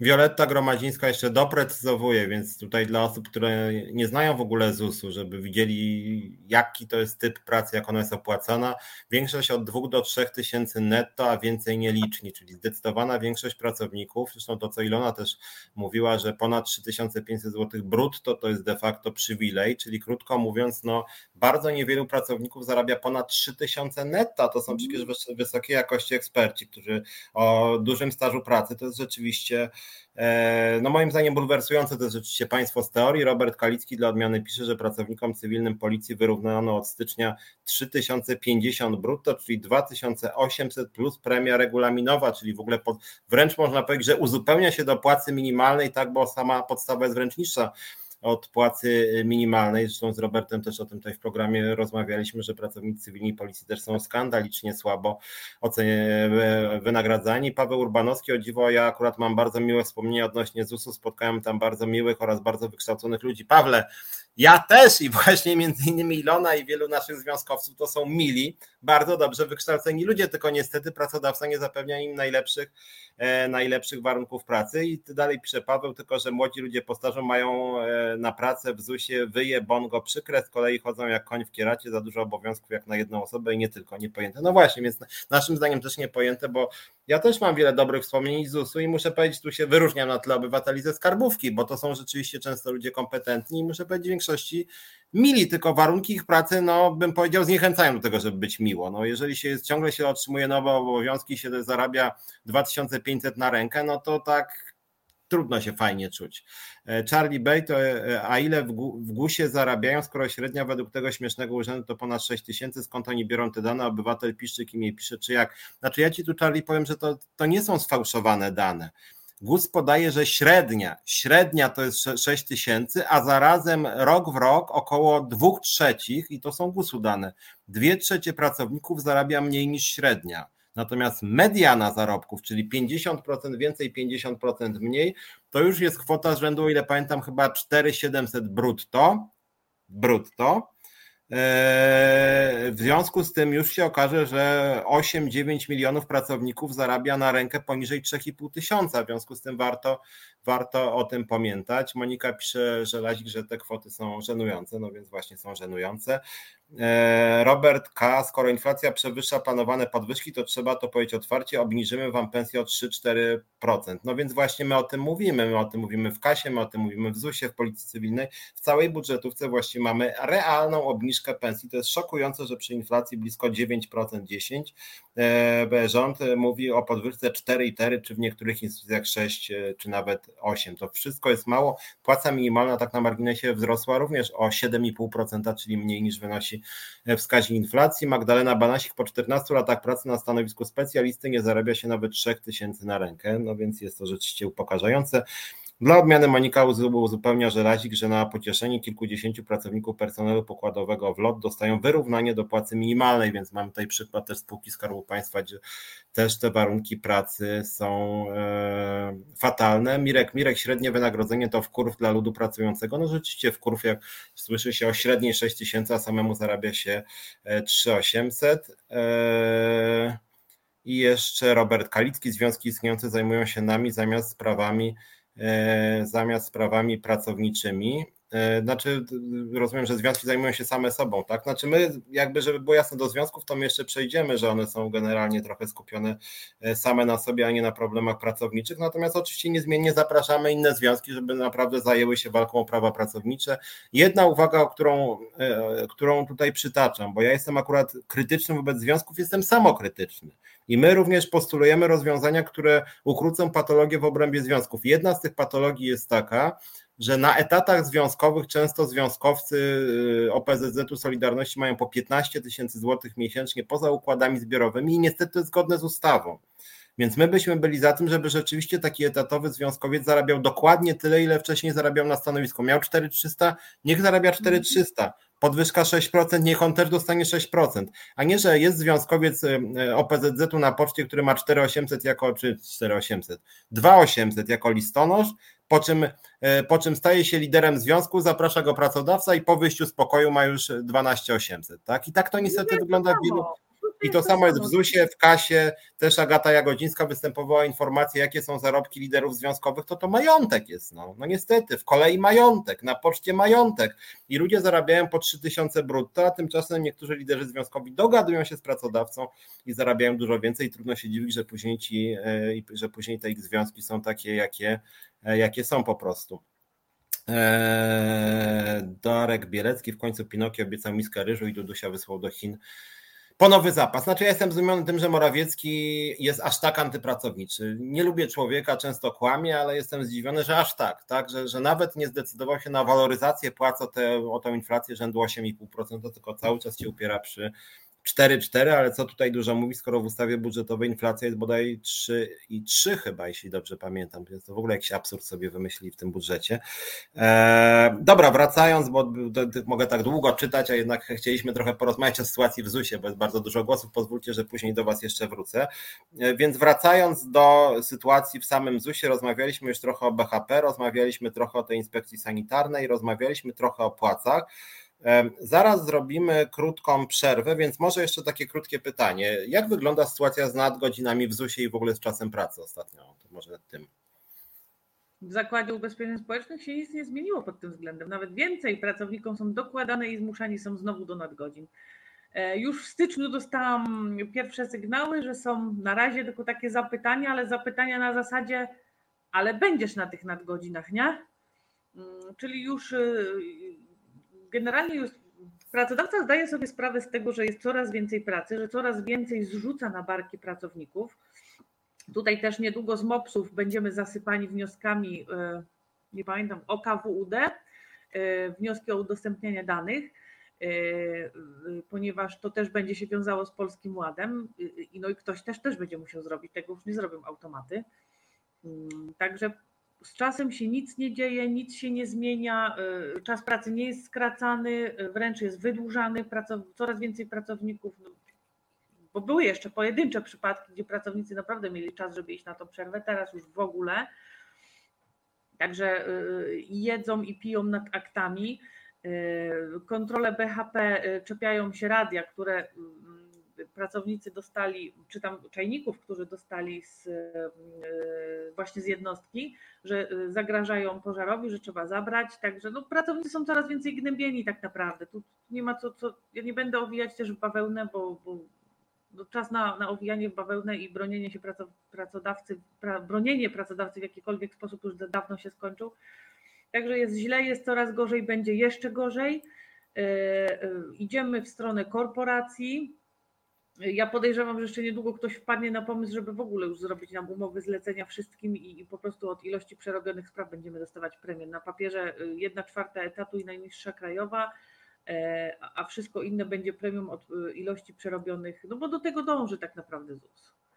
A jeszcze powiedz mi, zaraz, Zaraz robimy przerwę, tylko może jeszcze z tymi nadgodzinami. Czy zdarzają się przypadki, że nadgodziny są jakby w ogóle nie, nie ma jakby dodatkowej wypłaty, że po prostu pracownik zostaje w pracy dłużej i mu się to nie zalicza do nadgodzin, czy raczej jednak te nadgodziny są jakoś tam wypłacane, czy można dzień odebrać wolny? E, w zeszłym miesiącu dostałam informację od około chyba 15 czy 16 osób dokładnie, że są zmuszani do wylogowywania się z systemu, y, nie wylogowywania, poprawiania godziny wyjścia z pracy albo przyjścia. Także hmm. y, to są, ale to są takie przypadki, że naprawdę chyba postaram się namówić te osoby i zgłosimy to do inspekcji pracy, bo, bo jeżeli dzieje się to w kilku różnych oddziałach, bo to się nie dzieje w jednym oddziale, y, to skala problemu na pewno jest zdecydowanie większa i, i, i po całym kraju to się dzieje. Także y, tylko no, no tutaj niestety trzeba y, podać imię i nazwisko. Pracownicy ciągle się boją, bo są zastraszani, ja się im wcale nie dziwię. Y, często jest tak, że prawnicy, pracownicy pracują w małych miejscowościach, gdzie naprawdę brak tej pracy i, i po części się nie dziwię, no ale tu też trzeba się zastanowić w takim razie, czy dajemy, y, dajemy sobą pomiatać, czy naprawdę postawimy się pracodawcy i możemy naprawdę fajne warunki y, wywalczyć. No brakuje kilkuset osób w całym kraju, także to jest naprawdę ogrom, y, więc nie sądzę, że pracownik, że pracodawca będzie zwalniał wszystkich jak leci. Tak jak kiedyś wspominałam na początku, mamy trzy opcje strajku, do dwóch jesteśmy cały czas gotowi, także czekamy tylko i wyłącznie na pracowników. Z jedną opcją strajku jesteśmy blokowani, i wbrew temu, co mówią inne związki zawodowe, opcje strajku są trzy. Wszystkie, wszystkie. Dwa są takie bardzo, bardzo legalne. Jeden jest taki na granicy, ale gdyby stanęło e, ponad 50% załogi, to też musiałby być legalny. To jest to, o czym żeśmy kiedyś, Piotr, chyba rozmawiali, prawda? Z Tobą rozmawiałam? Tak, także mówię, generalnie mamy trzy opcje strajku, tylko potrzebni są tylko i wyłącznie pracownicy. Ja jestem gotowa. Jeszcze tylko tak patrzę na to, bo nie zrozumiałem wcześniej wypowiedzi Roberta Kalickiego, bo on napisał, że związki istniejące zajmują się nami zamiast sprawami pracowniczymi nami, w sensie związkową alternatywą. Tak, to samo. to samo. I, i rzeczywiście jest tak, że, że ja Wam muszę powiedzieć, że w naszej działalności w coraz większej liczbie zakładów, szczególnie tych z udziałem Skarbu Państwa, spotykamy się z taką sytuacją, że bardziej nas nawet czasem zwalcza Solidarność czy OPZZ niż pracodawca, czy inaczej, że związki te duże współpracują z pracodawcą, żeby nas zwalczyć, zamiast walczyć o prawa pracownicze i niestety, niestety tak zresztą z Robertem, który jak mówiłem jest naszym liderem w Policji Cywilnej, też może za pewien czas porozmawiamy o tych wszystkich problemach, bo Policji Cywilnej też jest nie za wesoło. E, dobra, słuchaj, to zróbmy może teraz przerwę, a po przerwie wrócimy też do tych opcji strajkowych, bo, y, bo ja też y, potwierdzam, my w ogóle jako Związkowa Alternatywa jesteśmy chętni chętni do koordynacji różnych akcji strajkowych. E, natomiast e, apeluję do Was, naszych widzów i widzek, żebyście nam też pomagali, bo, bo Ilona jest za strajkiem. Ja z Moniką Żelejk jesteśmy za, za koordynacją akcji strajkowej począwszy od spółek Skarbu Państwa e, typu właśnie LOT przez Pocztę Polską, po ZUS, bo Skarbówka nie może strajkować, ale również za tydzień będziemy o tym mówić, pewne akcje protestacyjne będziemy tam inicjować, powiedzmy zbliżone do strajku, czy legalne, ale E, e, o tym będziemy rozmawiać i nad tym myśleć, e, ale generalnie my jesteśmy za tym, żeby te strajki dzisiaj, dzisiaj się odbywały, bo faktycznie te 4,4% czy nawet 6% to, to jest plunięcie w twarz pracownikom, tak? Tylko, że tutaj potrzebna jest solidarność całej załogi, nie ta solidarność Piotra Dudy, tylko solidarność, czyli wzajemne wsparcie ludzi dla siebie, tak? Więc jeżeli, jeżeli, jeżeli wy też jesteście gotowi, to zapraszamy, żebyście nas zapisywali. Zapraszam, żebyście pisali do do Ilony ilomałpa.op.pl jest, jest, Ilony, e, jest Ilony mail, natomiast możecie też pisać do związku biuromałpa.za.org.pl czy pisać nawet do mnie, czy do związku na Facebooku, na Twitterze. My szybko odpowiadamy, zachęcamy Was naprawdę do wspólnego działania, bo jak chodzi o związek e, w ZUS-ie, OPZZ to jest stanowisko tego związku streszczone wypowiedzi Śmiszka, czyli że pani prezes Uścińska jest bardzo dobrym pracodawcą, a jak chodzi o Solidarność, to Solidarność ma po prostu własne kanały komunikacji z rządem i nigdy tego rządu nie zdradzi, bo ma dzięki temu rządowi też y, po prostu profity. Dobra, to o problematyce strajkowej zaczniemy, zaczniemy tuż po przerwie, a to zróbmy krótką przerwę na piosenkę, y, małe łyknięcie jakiegoś soku czy herbaty i zaraz wracamy. Reset Obywatelski działa dzięki Twojemu wsparciu. Znajdź nas na zrzutka.pl. No i wracamy. Piotr Szumlewicz, jest ze mną Ilona Garczyńska. Ja jestem liderem Związkowej Alternatywy. Ilona jest liderką Związkowej Alternatywy. W Zakładzie Ubezpieczeń Społecznych działamy razem, razem walczymy o prawa, w tym wypadku pracowników ZUS-u. Właśnie ja też działam w innych miejscach, na przykład jutro o 10.30 robimy konferencję pracową przed siedzibą Polskich Linii Lotniczych LOT. Będziemy tam mówić o różnych patologiach w locie, ale dzisiaj chcieliśmy sobie porozmawiać właśnie o patologiach E, e, w ZUS-ie Paweł Urbanowski pisze, że dziękuję za odzew i ma nadzieję, że dzięki mojej walce wyplenie te patole w ZUS-ie, czego życzę panu z głębi serca. No ja, pan życzy mi, ja życzę Ilonie, bo Ilonia głównie działa zakładowo, więc jak to pan napisał, całą tę patolę postaramy się z ZUS-u wyeliminować. Myślę, że będzie dobrze, jak tej patoli wyeliminujemy nawet 30%. E, natomiast wracając do tego, co powiedziałaś Ilona przed przerwą, rzeczywiście tych form strajku jest kilka. Pamiętajcie i mówię to do pracowników ZUS-u, którzy nas oglądają. E, strajk ostrzegawczy, strajk solidarnościowy to są rodzaje strajków, które możemy zrobić właściwie w każdej chwili. Strajk generalny e, musielibyśmy zrobić referendum. Natomiast, e, natomiast tak jak już wiele razy w tej audycji mówiliśmy, jeżeli będzie wasza determinacja, jeżeli będzie wasza wola, e, dotyczy to nie tylko nas, ale wielu innych branż, właściwie wszystkich, to jeżeli zrobimy strajk, to władza się po prostu ugnie. Władza się będzie bała, dlatego że władza bez ZUS-u sobie nie poradzi po prostu. Dlatego, że elektorat obecnej władzy to są między innymi ludzie, którzy dostają rentę, emerytury i po prostu w momencie, kiedy pracownicy ZUS-u by stanęli, to wtedy władza musiałaby, e, musiałaby się ugiąć, musiałaby spełnić przynajmniej część ich postulatów i wydaje mi się akurat w tej sprawie, że opinia publiczna również e, byłaby po stronie pracowników, bo również seniorzy w Polsce wiedzą, że sytuacja pracowników ZUS-u jest też trudna. My bardzo chętnie byśmy pokazywali paski pracowników ZUS-u. My, my bardzo zresztą planujemy nawet nagrywać różnego rodzaju filmiki i takie, i takie e, bym powiedział, taką reklamę społeczną rozpowszechniać, pokazując właśnie, jak ciężkie są warunki pracy pracowników ZUS-u. To samo, co jak, jak był strajk w locie, tak? Co ciekawe, że nawet wielu pasażerów nas wtedy popierało Oczywiście, że każdy strajk jest utrudnieniem dla, e, dla, dla, dla wielu ludzi, ale w momencie, kiedy ludzie widzą, że po prostu dana branża jest źle traktowana, że jest mobbing, dyskryminacja, kolesiostwo, niskie pensje, e, brak przestrzegania przepisów BHP, to co Ilona mówiła nad godzinach przed przerwą, no to pracownicy są zdeterminowani. Nikt nie chce sobie strajkować od tak. To jest wynik determinacji, pewnego rodzaju frustracji po prostu i pracownicy ZUS-u moim zdaniem mają prawo być e, sfrustrowani po prostu. Charlie Bert jeszcze pisze, e, czym jest średnia i czym jest mediana, skąd oni mimo wszystko biorą te dane. E, czy mamy aż takie rozwarstwienie w tym kraju? No mamy duże rozwarstwienie, znaczy wiesz Charlie, e, to jest tak, że na przykład to samo było e, w skarbówce, będzie o tym mówić Agata i inni nasi związkowcy w kasie za tydzień, że średnia się mówi w kasie to jest rzędu 7 tysięcy, po czym nagle się okazuje, że mediana jest o połowę mniejsza prawie, tak, bo po prostu są dyrektorzy, którzy zarabiają po 10-15 tysięcy, ich jest relatywnie dużo w tych instytucjach państwowych, tak, każda placówka ma swojego dyrektora, Plus pani Uścińska jest otoczona różnymi doradcami, dyrektorami, wiceprezesami. Oni wszyscy zarabiają naprawdę solidne pieniądze i w konsekwencji średnia jest stosunkowo wysoka, natomiast bardzo dużo ludzi na dole zarabia małe pieniądze. No, nie jest to aż tak jak w locie, no ale w locie sobie można oceniać średnią. Skoro pan prezes Milczarski sam zarobił 2 miliony 800 tysięcy w ciągu roku, no to zawyżył średnią dla firmy, gdzie pracowało wtedy, o ile pamiętam, tam chyba ze 2000 pracowników, no to sobie przeliczcie, no to on radykalnie podnosi średnią.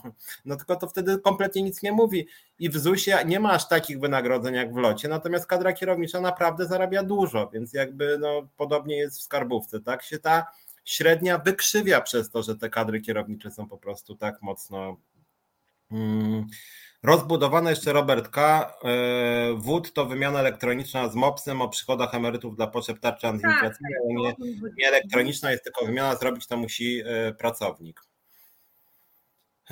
Aha, jeszcze e, Mister Papaj pisze, że poprawianie godzin, że to jest standard, bo widzę, że Mister Papaj chyba jest pracownikiem ZUS-u, więc jakby potwierdza to, co, to, co mówiłaś. Dobra, wracając w takim razie wracamy do, do ZUS-u i do tych problemów, o których też jeszcze e, nie mówiliśmy. Mówiliśmy przed przerwą o nadgodzinach, mówiliśmy o strajku. My do strajku zachęcamy. Zachęcamy też, żeby wstępować do związkowej alternatywy, bo jesteśmy jedynym związkiem, który otwarcie chciałby strajku.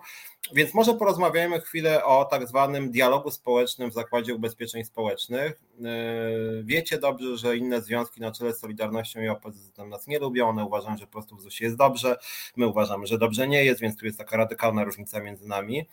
E, natomiast również nasze relacje z panią prezes Uścińską i zarządem ZUS-u też nie wyglądają dobrze, e, więc może spytam się ciebie, bo ten temat wraca w naszych spotkaniach tak raz na miesiąc czy dwa. Jak obecnie, że tak powiem, wygląda dialog związkowej alternatywy w ZUS-ie z pracodawcą? No, to może powiem krótko, nie wygląda. Na każde moje zapytanie, na każdy problem, który zgłaszam, od miesięcy mam jedną odpowiedź. Wasz wybór wiceprzewodniczącej był nielegalny. Nie przyjmujemy do wiadomości, że był legalny. Nie przyjmujemy do wiadomości, że oświadczyliście nam, że był legalny.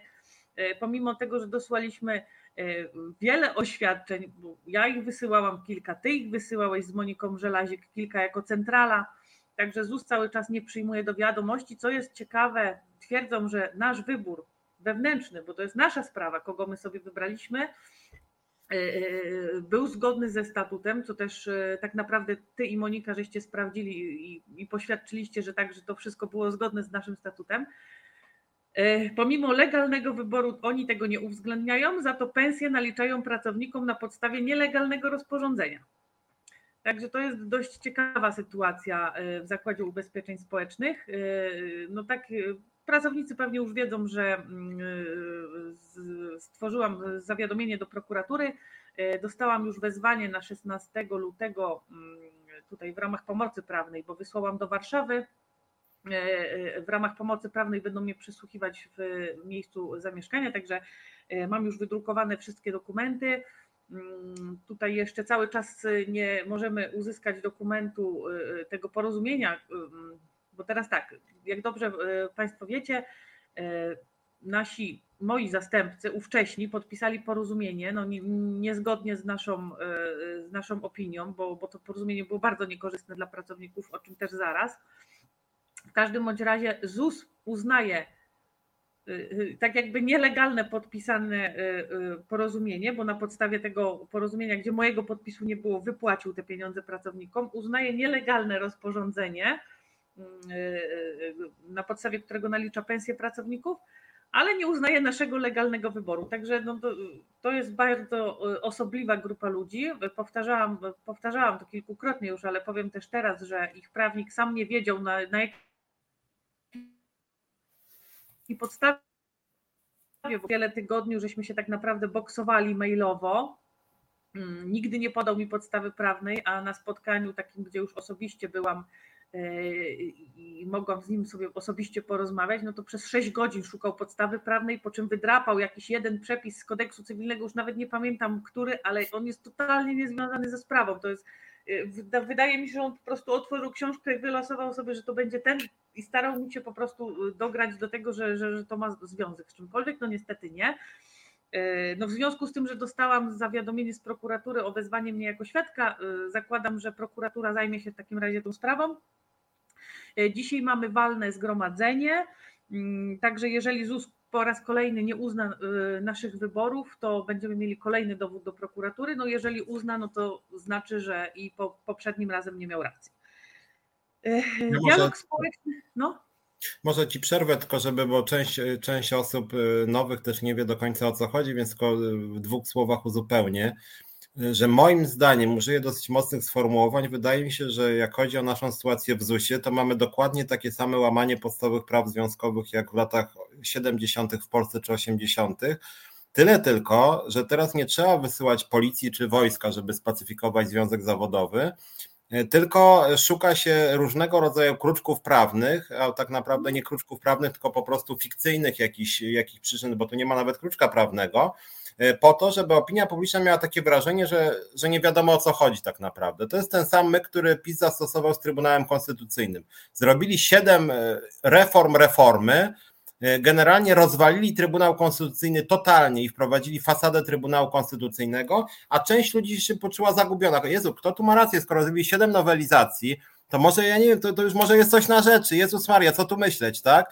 I, i, mówię o tym, dlatego że władze ZUS-u robią z nami mniej więcej to samo. To znaczy, jesteśmy organizacją oddolną, związkiem zawodowym, który powstał zgodnie z przepisami ustawy o związkach zawodowych, czyli zebrało się 10 osób, wybrało sobie władzę, zaczęło funkcjonować. Później wybraliśmy sobie nowe władze, również zgodnie z naszym statutem, z naszą wolą, z wolą członków, z poparciem centrali. I w pewnym momencie, w związku z tym, że wybraliśmy sobie nową wiceprzewodniczącą, która się nie podobała Zakładowi Ubezpieczeń Społecznych, to z zupełnie nieznanych nam przyczyn pani Uścińska z koleżankami, bo to akurat dwie koleżanki, e, powiedziała, że ona nie będzie uznawać naszych władz. No to my jakby z Moniką Żelelik jakby wbici w krzesło, jak to pani nie będzie nas uznawać? Znaczy w jakim sensie? No jesteśmy oddolną organizacją ludzi pracy, wybraliśmy sobie władzę, to pani tu nie ma nic do gadania. Jest nawet w ustawie o związkach zawodowych jasny zapis, związki zawodowe same wybierają sobie władzę. Związki zawodowe same mają e, ciała statutowe, które oceniają, czy jest to legalne. Można odwołać się do ciał statutowych, jak jest się członkiem związku czy członkinią, tak? Więc jeżeli komuś coś się nie podoba ze związku, to oczywiście może się odwołać. Jeżeli ze związku komuś coś się nie podoba i nie podoba się decyzja komisji rewizyjnej czy zarządu, to taki członek może iść do sądu, tak? Jest to w pełni zgodne z przepisami. Ja się swego czasu spierałem z OPZZ-em, kiedyś do tego wrócę, poszedłem do sądu. Natomiast w momencie, kiedy jest, jest organizacja, która jest w ogóle poza związkami, czyli Zakład Ubezpieczeń Społecznych, to nie tylko Zakład Ubezpieczeń Społecznych nie ma prawa w ogóle ingerować w to, jak my sobie wybieramy ludzi, ale oni nawet nie mają interesu prawnego, żeby iść do sądu, bo oni nie są stroną, nie są członkami, tylko my jesteśmy zgodnie z ustawą autonomiczną i niezależną, bo to nawet w ustawie jest napisane, związki zawodowe są niezależne od instytucji państwowych, samorządowych, tam jest wymienione, więc jesteśmy ustawowo totalnie niezależni od ZUS-u, totalnie i ZUS nie ma prawa w ogóle interpretować jakichkolwiek naszych ustaw, walnych, wyborów, czego tam jeszcze. U nas w statucie jest jasno napisane, że e, władze Związku Centralne, czyli ja i Monika Żeleć, oceniamy, czy wszystko jest zgodnie z procedurami. Tymczasem ZUS uznał chyba, że z jakimś zarządem bizzwiązkowej alternatywy, przyznał sobie kompetencje zarządu naszego Związku Centralnego i powiedział, że to oni będą interpretować, co jest dobre, a co złe i w związku z tym, że im się nie podoba nowy zarząd, to oni go nie będą uznawać. I to jest rzeczywiście rzecz szokująca i wniosek do prokuratury, który złożyliśmy, bierze się stąd, że, że to jest po prostu utrudnianie działalności związkowej, które zgodnie z polskim prawem za utrudnianie działalności związkowej grozi kara ograniczenia wolności. I takie pismo do prokuratury skierowaliśmy, dlatego że ZUS rzeczywiście niezgodnie z prawem, niezgodnie z ustawą i o związkach zawodowych, i o rozwiązywaniu sporów zbiorowych po prostu odmawia z nami rozmów, jakichkolwiek rozmów, tak? Odmawia z nami konsultacji, tak? Nie chce prowadzić z nami sporu zbiorowego, chociaż ma ustawowy obowiązek, żeby prowadzić ten spór. Więc to rzeczywiście jest, no można powiedzieć, spór jest dosyć ostry. W związku z tym, jeżeli ktoś teraz nas z ZUS-u ogląda i twierdzi, że prawda jest gdzieś po środku, moi kochani, prawda nie jest po środku. Myśmy sobie wybrali władzę, działamy zgodnie z ustawą, działamy zgodnie z prawem, działamy zgodnie z procedurami. Zarząd związku wszystko to e, sprawdził i wszystko jest w porządku. I pani Uścińska z koleżankami po prostu łamie prawo i mówię to też do pana posła Śmiszka. Jak pan uważa, że łamanie ustawy o związkach zawodowych to jest drobiazg, nie ma pan nic do zarzucenia pani Uścińskiej, to uważam, że nie powinien pan się w ogóle lewicą nazywać, a jeżeli tak, to lewicą nie prozwiązkową, bo wy ostatnio dużo mówicie, że jesteście prozwiązkowi. Jeżeli jesteście prozwiązkowi, to powinniście panią Uścińską krytykować. Zachęcam bardzo gorąco, żebyście może też interpelację w tej sprawie na przykład e, e, zgłosili, bo to jest rzeczywiście skandaliczna sprawa, co pani Uścińska robi w podejściu, no bo to jest tak naprawdę podejście takiego stanu wojennego, bym powiedział, tak? Tylko bez użycia karabinów, tylko po prostu nie uznajemy wam i tyle, nie będziemy z wami rozmawiać, tak odmawiamy. De facto oni nas nie uznają, tak jak swego czasu PZPR nie uznawał Solidarności. Oni uważają, że nas nie ma. No to oni mają generalnie z nami problem, bo my chcemy działać, nie chcemy się z nimi absolutnie układać. Oni to widzą i, i, widzą, że chcemy być propracowniczy, chcemy, żeby pracownicy naprawdę mieli godne warunki pracy, a przede wszystkim godne pensje, bo to im się należy za to, co robią dla zakładu, za to, ile nadgodzin darmowych zrobili, bo wystarczy, że ja nie mówię, że tylko 15 minut, bo, bo zdarzają się i że tam i 2-3 godziny y, każą poprawiać w systemie E, ale gdyby policzyć 15 minut razy ilość pracowników, razy ilość dni w miesiącu, to to są naprawdę horrendalne kwoty. Mm, e, e, I, i, I, z nimi nie, po prostu nie ma dialogu. No, no tak jak widzisz, to jest podobnie jak ze związkami zawodowymi. I tutaj też podkreślę, że mówiąc związki zawodowe w ZUS-ie, mam na myśli szczególnie te duże, te układowe. Tu mi zwrócił uwagę też jeden mniejszy związek, który naprawdę też chce działać. Nie będę oczywiście wymieniać nazwy, E, bo nie ustalałam z tym panem mm, czy tam panią, żeby, mm, żeby, tego, żeby tą nazwę wymieniać. W każdym bądź razie e, e, te duże związki układowe, my jesteśmy dla nich tak naprawdę wrzodem.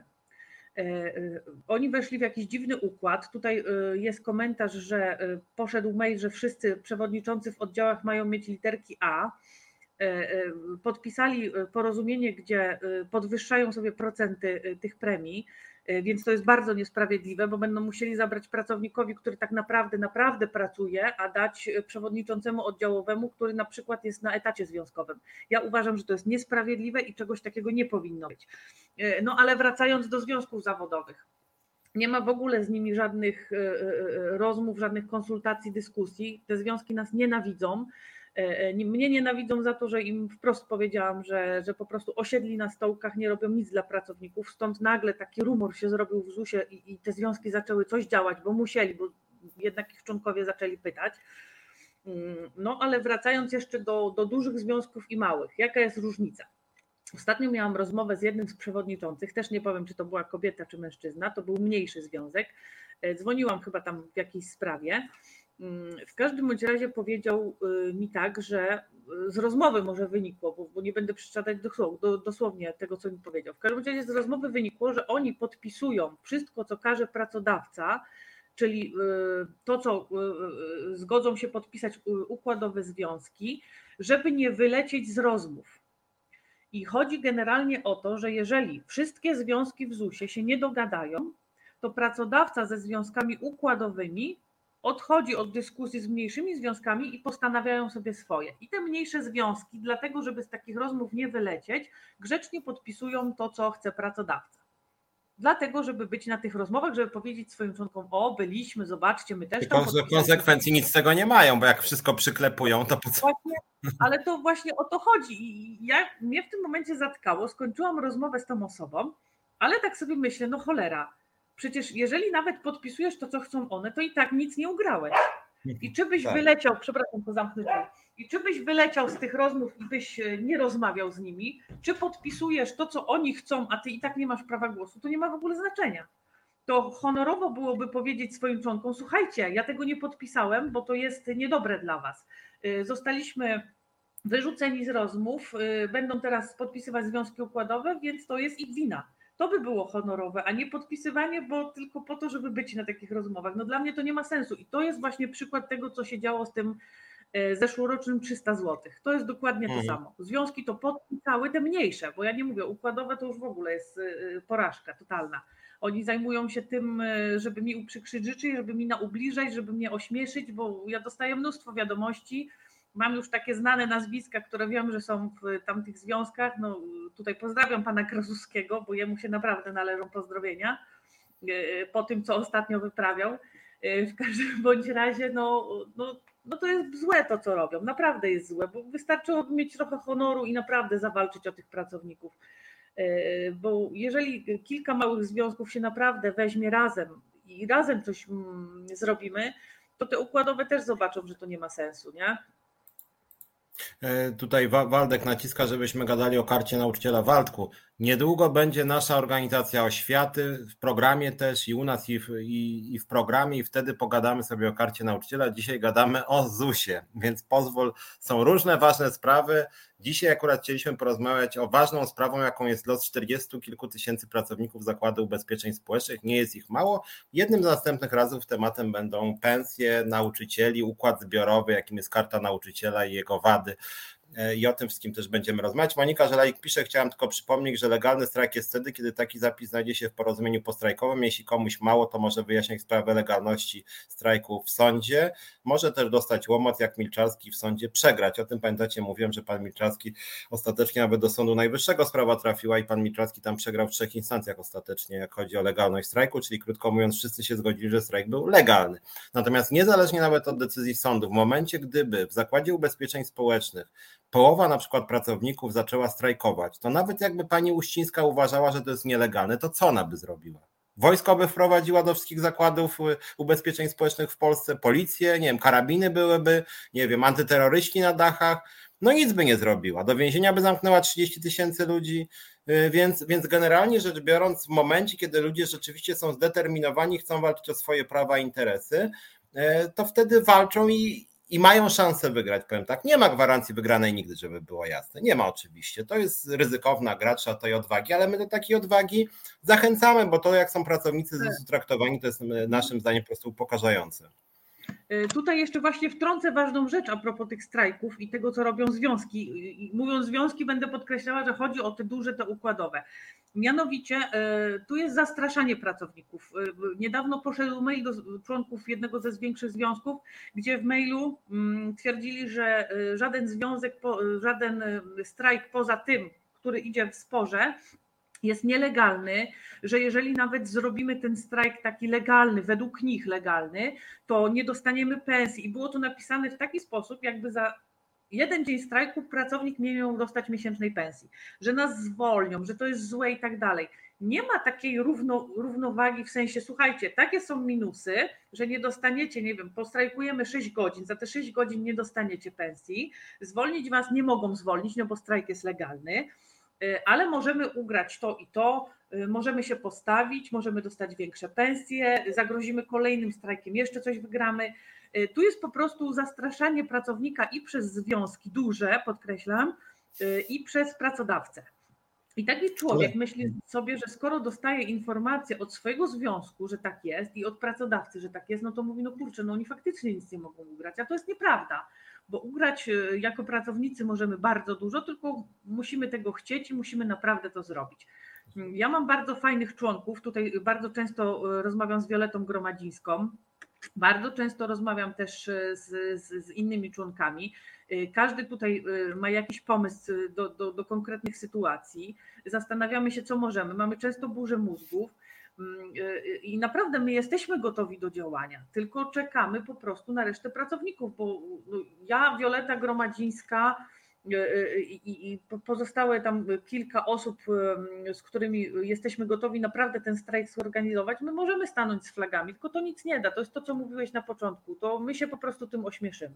Tylko pamiętajmy też o jednej rzeczy, o której Monika napisała, że z tą stratą pensji to nie jest wcale takie oczywiste, dlatego że o strajku decyduje de facto jego skutkach porozumienie postrajkowe. Można wpisać w porozumieniu postrajkowym, że za okres strajku również należy się wynagrodzenie. Można to sobie wpisać, jeżeli tak się dogadamy z pracodawcą. Więc jeżeli będziemy silni, to po prostu wygramy, więc warto jednak o tym, e, o tym pamiętać. Anatol Siedlecki pisze, że jak pensje związkowców są uzależnione od polityków PiS, to wiadomo, że się dogadają z władzą. No cóż, my właśnie jako Związkowa Alternatywa jesteśmy w ogóle za jawnością płac i za tym, żeby te pensje związkowców też były prześwietlane. I źle się oczywiście dzieje, to jest patologia, kiedy taki etatowy związkowiec ma podwyżkę razy cztery. No my bylibyśmy zbulwersowani, gdyby u nas takie, taka rzecz miała miejsce. Władza wie, że my jesteśmy nieprzekupni i dlatego nas nie lubi, między innymi stąd te represyjne e, działania. Violetta pisze, że składki w Solidarności to 40 zł miesięcznie, u nas 8, na koniec roku 200 zł zwracają. Tylko a co zresztą ciekawe, znaczy ja powiem tak, no nie chcę tutaj nikogo obrazić, ale jeżeli ktoś płaci tak duże pieniądze i nic z tego nie ma, to znaczy, że jest no może głupi, no nie wiem, no chyba tak, no, no jest frajerem trochę, no. Jakby my, my, my działamy i jakby no, ja, ja, ja się nie obrażam nigdy, jak ktoś, jak ktoś mi przepłaca składki i, i, co wy za to, i co wy z tego robicie. My generalnie możemy wytłumaczyć dokładnie, co my z tego robimy, nie wstydzimy się tego, wręcz przeciwnie, jesteśmy z tego dumni, więc jeżeli rzeczywiście jest tak, że w Solidarności te składki są tak wysokie, a później w zamian się dostaje czekoladki, albo 200 zł zwrotu, no to moim zdaniem nie ma sensu należeć do takiego związku, a z tego co wiem, to akurat w ZUS-ie Solidarność faktycznie jest bardzo leniwa, w związku z tym trochę nie rozumiem, po co ludzie należą do Solidarności. E, y, oni nawet do sporu nie podeszli. Jedyne co to wysłali list do premiera Morawieckiego o odwołanie pani Uścińskiej. W spór nie weszli, strajku nie chcą robić. Mm, y, tutaj jeszcze mi się zaraz coś przypomniało, tylko muszę sobie to w głowie ułożyć, jak to powiedzieć, żebyście zrozumieli. Ale to zaraz, zaraz mi się przypomni. Magdalena jeszcze Owsiany przepracuje w ZUS-ie 16 lat w serach, ale takiego czegoś jak teraz zaległości, ilości obowiązków, braku omawiania nowych wytycznych jeszcze nie było. Z każdym dniem jest coraz gorzej, wszystko puchnie. No niestety tak to trochę wygląda. E, no dobra, to jeszcze... No, no to jeszcze tylko powiem jedną, mhm. jedną rzecz a propos związków i y, sporów, które są. E, e, jak wiecie, spory trwają od e, lipca czy tam sierpnia chyba. Tych sporów jest dosłownie kilka. We wrześniu podpisano porozumienie przyznające pracownikom 300 zł podwyżki. To nie, było, nie była żadna zasługa żadnego ze związku, ani naszego, ani żadnego innego związku, bo to były pieniądze pracowników, to były pieniądze z oszczędności, to te pieniądze po prostu pracownikom się należały i tak czy inaczej pracodawca dałby te pieniądze dla, e, dla swoich ludzi. I to była kwota 300 zł brutto. E, w tym roku powiedzmy, mm, że, na, że z tego funduszu wynagrodzeń pracownicy również dostaną jakieś pensje. Powiedzmy, że będzie to 100 zł brutto. Czyli już razem mamy 400 przez cały rok. E, pod koniec roku, powiedzmy wrzesień, październik, znowu będą pieniądze z oszczędności i powiedzmy, że to znowu będzie 300 zł. Razem przez półtorej roku pracownicy dostali podwyżki 700 zł brutto, przy czym to nie była w ogóle zasługa żadnego związku, ani naszego, ani kompletnie żadnego innego, bo to są pieniądze pracowników. E, e, podpisując porozumienie z pracodawcą o 300 zł, związki zgodziły się, że te 300 zł częściowo realizuje spór zbiorowy. To samo zrobią z kwotą 100 zł i to samo zrobią z kolejną 300. I teraz y, co się stanie? W październiku, czy tam wrześniu, czy powiedzmy listopadzie, związki radośnie ogłoszą, że oni wywalczyli 700 zł brutto podwyżki. Walczyli o 1000, udało im się 700 uzyskać i tak naprawdę zrealizowali swoje postulaty w 70%. Wow, super ekstra. A prawda jest taka, że to nie jest wcale zasługa żadnego związku, tylko te pieniądze pracownicy i tak by dostali. I taka, I taka jest właśnie propaganda w ZUS-ie. Jest propaganda ze strony związków, że oni o coś walczą, że to ugrali, bo tak będzie. I jest propaganda ze strony pracodawcy. Zobaczcie, alternatywa nie dostarczyła dokumentów, oni się w ogóle nie znają. E, tutaj przychodzi pan Krasuski e, ze Związku Niezależni i twierdzi, że pani Ilonie trzeba wsadzić coś w ten, żeby, żeby się uspokoiła. Także no to są takie, no to są takie rzeczy. No, no mówię, to jest hejt, to jest y, tak naprawdę nienawiść, wyzwiska. Y, y, I my jesteśmy dla nich problemem tylko i wyłącznie dlatego, że coś chcemy zrobić dla tych pracowników. A, a oni tak naprawdę nie robią nic, bo te spory zbiorowe naprawdę, oni by mogli być na, już by mogli trzy razy strajk zorganizować. Gdyby nas tak nie przyblokowali, to podejrzewam, że już bylibyśmy po strajku. Waldek się skarży, że, że, że promujemy nasz związek, a nie inne związki. Drogi Waldku, jestem liderem związkowej alternatywy. Nie ukrywam, że to jest program związkowy, a nasza nazwa jest nie przez przypadek związkowa alternatywa, że staramy się bronić również alternatywy E, również na tym polu związków zawodowych jesteśmy alternatywą wobec władzy, ale jesteśmy też alternatywą wobec innych związków zawodowych. E, akurat tak się składa, nie przez przypadek, że te związki, które są alternatywą, są zrzeszone u nas, natomiast z drugiej strony był to na przykład e, Paweł Maczyński, lider Związku Pracowników Socjalnych, który jest związkiem zaprzyjaźnionym. Zaprosiłem go tutaj, bo moim zdaniem chociaż do nas nie należy, ale również również jego model działania jest nam bliski. My go oczywiście zapraszamy, żeby do nas przystąpił, ale nie musi przystąpić i tak go e, zapraszam, bo uważam, że robi kawał dobrej roboty. E, I nie tylko on. Swego czasu zaprosiłem na przykład jednego ze związkowców wymiaru sądownictwa, który również do nas nie należy. W związku z tym tutaj jakby e, wydaje mi się, że te zarzuty są niesprawiedliwe. Natomiast mamy już nie tak bardzo dużo czasu, a jeszcze te dwa czy trzy problemy ważne są. Oczywiście będziemy się też odnosić do tego, co piszecie.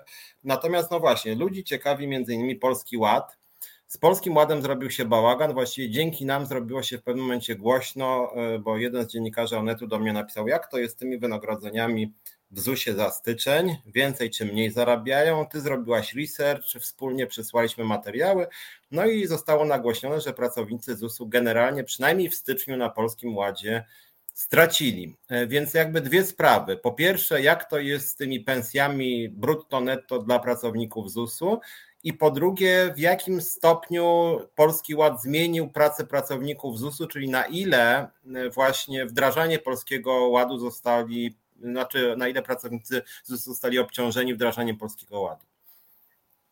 Obciążeni zostali tak jak przy każdym nowym pomyśle pani prezes Uścińskiej, czyli e, nie, nie, nie zorientuje się, czy pracownicy dadzą radę, po prostu mają to zrobić. E, jej nie interesuje, czy będą pracowali w sobotę, niedzielę, o północy, czy w nadgodzinach, oczywiście niepłatnych, bo trzeba poprawić w systemie. Mm, także mają to zrobić. Co do e, wynagrodzeń. Zacznę może trochę od końca, bo bardzo brzydko postąpił rzecznik Paweł czy Piotr Żebrowski, już nie pamiętam jego imienia nigdy Paweł chyba. W każdym razie on wypowiada się y, po konsultacjach z centralą, gdzie powiedział, dał do zrozumienia generalnie czytelnikom, że pracownicy zarobili ponad 12 800 zł w miesiącu i stąd dlatego te ich wynagrodzenia zostały obciążone kwotą 300, 400, 500 zł. Nawet mam tutaj przypadek y, dziewczyny, która, która straciła na tym 700 zł. Ale do czego dążę? Wyjątkowo w tym roku dziwnym trafem trzynastki, premie i wynagrodzenia zostały wypłacone w jednym miesiącu. I to po części też jest właśnie problemem, bo faktycznie w niektórych przypadkach ta kwota została przekroczona, ale nie dlatego, że, że pensja zasadnicza pracownika wynosi ponad 12 800, tylko dlatego, że pracodawca wyjątkowo w tym roku e, wypłacił wszystko wcześniej. Wszystko, w zasadzie tylko premię wypłacił wcześniej, bo, bo trzynastki zawsze w styczniu były. E, e, nie wiem, czy dlatego, żeby zrobić na złość pracownikom, czy takich nienawidzi, że cieszy się, kiedy pracownicy są niezadowoleni, kiedy dostają mniej pensji. Nie wiem, nie będę tutaj zgadywać, w każdym razie się zrobił źle i dziwnym przypadkiem akurat teraz. Mm, wiele było przypadków, gdzie pracownicy nie przekroczyli, pomimo trzynastki, pomimo premii i pensji zasadniczej, nie przekroczyli kwoty 12 800 zł, a mimo to stracili na Polskim Ładzie. E, pracownicy chcąc uzyskać jakiekolwiek informacje, e, jak została im naliczona pensja, w jaki to sposób było, na podstawie czego e, prosili księgowe w oddziałach czy tam kadry, aby im to rozliczyły, no jednak kadry nigdy nie umiały takiej informacji udzielić, po prostu program wyliczył, dziękuję, do widzenia, proszę odejść i mi tu więcej nie przeszkadzać. Mm, także mm, tutaj też pracownicy nie uzyskali faktycznej informacji, skąd to się wzięło, Zobaczymy, jak, będzie, jak będą wyglądały pensje w lutym. Y, y, zobaczymy, czy ten polski ład dalej będzie y, w, dalej będzie istniał, no bo już tutaj słyszę głosy, że, mm, że, że, że to ma zostać w ogóle wycofane, no ale to też nie możemy się opierać na plotkach, tylko zobaczymy, czy faktycznie zostanie wycofane. Pensje miały być pracownikom naliczane na korzystniejszych zasadach, no nie było tak, więc nie wiem, czy ZUS znowu sobie po swojemu interpretuje Mm, ustawy, rozporządzenia y, i tak dalej, czy, czy, czy faktycznie tak nienawidzi pracowników, że kazał księgowym zrobić tak, żeby po prostu dostali mniej. No trudno mi jest powiedzieć, naprawdę ja już czasami załamuję ręce i, i zastanawiam się, jak bardzo trzeba nienawidzić swoich pracowników, żeby do takich rzeczy doprowadzić. A swoją drogą, bo słyszałem też, że, że, że nawet w pewnym momencie, chyba chwilę, były wspólne dyżury skarbówki i ZUS-u odnośnie zaznajamiania się z Polskim Ładem, bo właściwie część tak. Polskiego Ładu wdraża ZUS, tak? Tak, to są y, wycieczki, to są i wspólne konsultacje powiedzmy w urzędach gmin, w urzędach miasta. Y, pracownicy są zmuszani do prowadzenia webinarów, y, są zmuszani do telefonów do płatników czy dłużników z tym, że czy słyszeli o Polskim Ładzie i tak dalej. Także to jest naprawdę, to, to, to jest zakład chyba już usług społecznych, a nie ubezpieczeń społecznych, bo to, to, co się, to, co się dzieje choćby na SOKU, na Centrum Obsługi Telefonicznej, no w komórkach merytorycznych, no wiesz, to jest po prostu afera za aferą. I jeszcze pierwsza tak naprawdę nie jest wyjaśniona. Nie zdążę zadać pytania o pierwsze, już są trzy następne. Y, I to jest takie przykrywanie jednego drugim. To, to, to jest dokładnie, y, to co się dzieje w zakładzie jest dokładnie odzwierciedleniem to, co się dzieje w rządzie, to, co się dzieje w Polsce. Mm, nie nadążamy za tymi aferami, nie nadążamy za tym wszystkim, co się dzieje i jest po prostu coraz gorzej. No Violetta i boję się, pisze... tak naprawdę boję się, co, co, co będzie mhm. dalej. Wioletta Gromadzińska pisze, gdyby nas nie było, pracownicy by żyli dalej w nieświadomości, co się dzieje i jak to wszystko działa w ZUS. Dlatego zachęcamy pracowników, żeby do nas wstępowali, a jeżeli nawet jeszcze nie chcecie do nas wstępować, to przynajmniej posłuchajcie i zastanówcie się, czy przypadkiem nie mamy w wielu sprawach racji, bo ja znam te metody działania, one były w OPZZ, one są w rządzie. To znaczy, to jest taki typ, że najpierw się obgada, e, później się jeszcze raz obgada, jeszcze trzeci raz się obgada, i za trzecim razem już ludzie zaczynają mówić: A może w tych plotkach to jest coś z prawdy? No i w ten sposób dezawuuje się właśnie niewygodnych pracowników. ZUS niezgodnie z prawem, łamiąc co najmniej kilka przepisów prawa pracy, nie chce nas uznać po czym część z Was, nie wiem czy nas akurat oglądają te osoby, piszą na forach, no jak Was nie uznają, to może znaczy, że żeście jednak czegoś tam nie dopełnili, tak? Bo tak SUS uważa po prostu. No to no na tak, tej no zasadzie, no tak. tak. jak ja bym, ja bym któregoś z Was nazywał, wiecie co, chyba jesteś złodziejem, a ty, ale jak to złodziejem? Wcale nie jestem złodziejem. No chyba jesteś, bo tutaj nie wiem, Monika Żelalik, słuchaj Monika, czy on nie jest złodziejem? No myślę, że jest. Ja mówię, no i co, już we dwójkę uważam, że jesteś, to chyba coś w tym jest, prawda? No w ten sposób można pomówić dokładnie każdego, natomiast sprawa związana z naszym działaniem jest bardzo jasna i my nie mamy totalnie nic do ukrycia.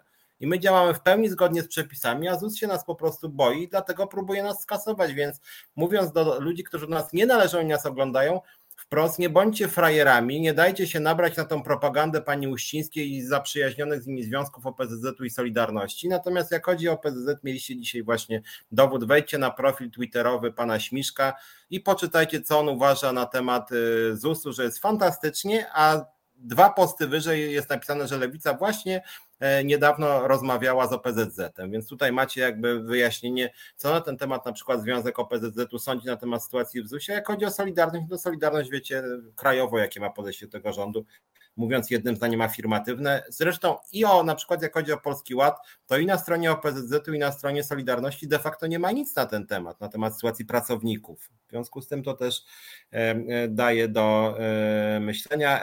M. Mister R. Polski Ład drażliwy temat, webinaria dla płatników.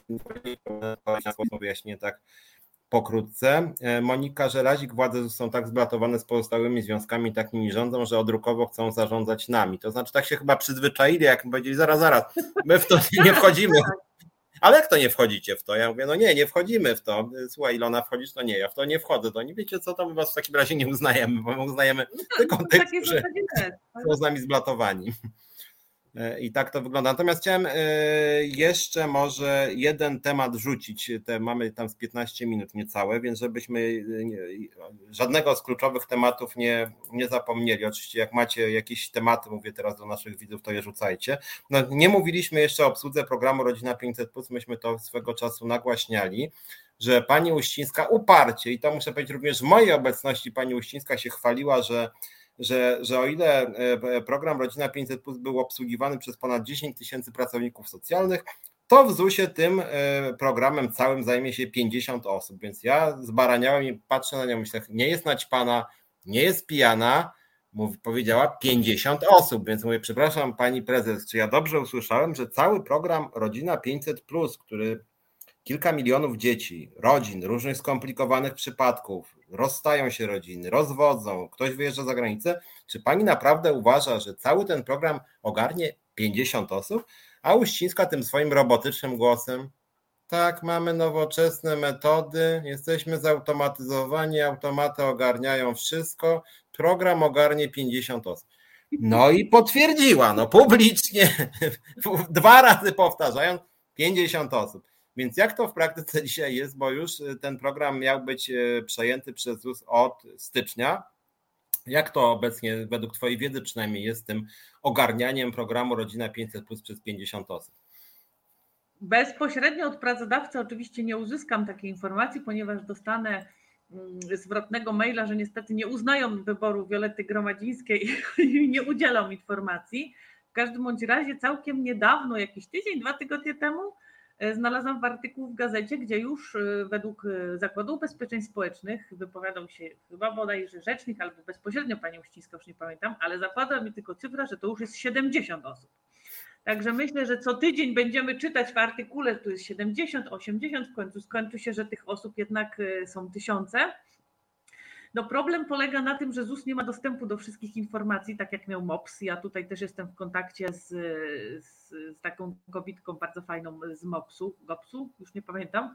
W razie y, ona mi bardzo dużo y, opowiada. Także ZUS nie będzie w stanie wszystkiego sprawdzić. I, i, I, to naprawdę to się skończy tym, z czym skończyło się to początkowo w MOPS-ie, kiedy mm, osoby nieuprawnione składały wnioski o 500 te środki były im przyznawane, no bo to był jeszcze początek, tego też nie mieli za bardzo jak sprawdzać. E, kiedy zaczęło się zgłaszanie takich problemów do rządu, to rząd machnął ręką, mówi zostawcie, nie, nie, nie, niech ci ludzie nie zwracają tych pieniędzy, bo idą wybory y, i po prostu stracimy, mm, stracimy e, elektorat. E, I podejrzewam, że tu będzie dokładnie to samo. No, no, co ja mogę powiedzieć? No tu jest bardzo źle. Tu, tu naprawdę ja się czasami zastanawiam, czy, czy, czy oni w tej centrali myślą, czy, czy oni sobie losują, co dzisiaj zrobią.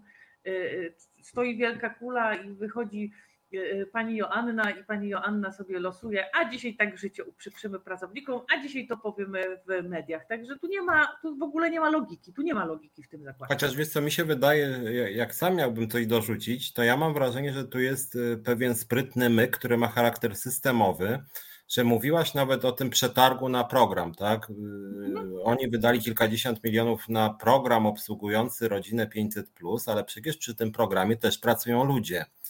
E, ktoś musi to kontrolować, ktoś musi to sprawdzać, ktoś musi eliminować awarie i pod tym względem nawet przy obsłudze programu do e, właśnie obsługi, program do obsługi programu Rodzina 500, tam przypuszczam jest zatrudnione co najmniej 100 osób. Rzucam, nie wiem ale przypuszczam, że tak szczególnie w pierwszej fazie. Ten program na pewno sam z siebie nie działa, po prostu ktoś musi przy tym siedzieć. Więc co, co, co sugeruję, że być może jest tak, może też w ramach właśnie informacji publicznej, bo wiem, że takie pytanie było w Sejmie, jak była pani Uścińska, ja byłem na komisji. Padło pytanie, jaka jest skala outsourcingu w ZUS-ie, i pani prezes nie odpowiedziała na to pytanie. Więc może to jest tak, że pracowników ZUS-u zajmuje się na przykład 50 osób, czy 70, jak powiedziałaś, czy realnie 500, ale poza nimi jest outsourcingowanych pracowników na przykład drugie 500 czy 2000.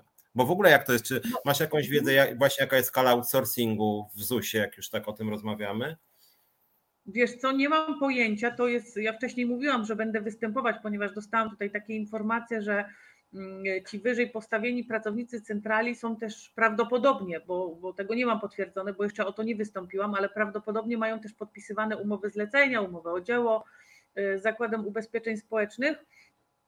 Y, jest też wiele takich rzeczy, które mogliby robić pracownicy, czyli jak przykład ktoś się z pracowników para informatyką, to mógłby parę rzeczy pomóc centrali i naprawdę dodatkowo powiedzmy za to zarobić.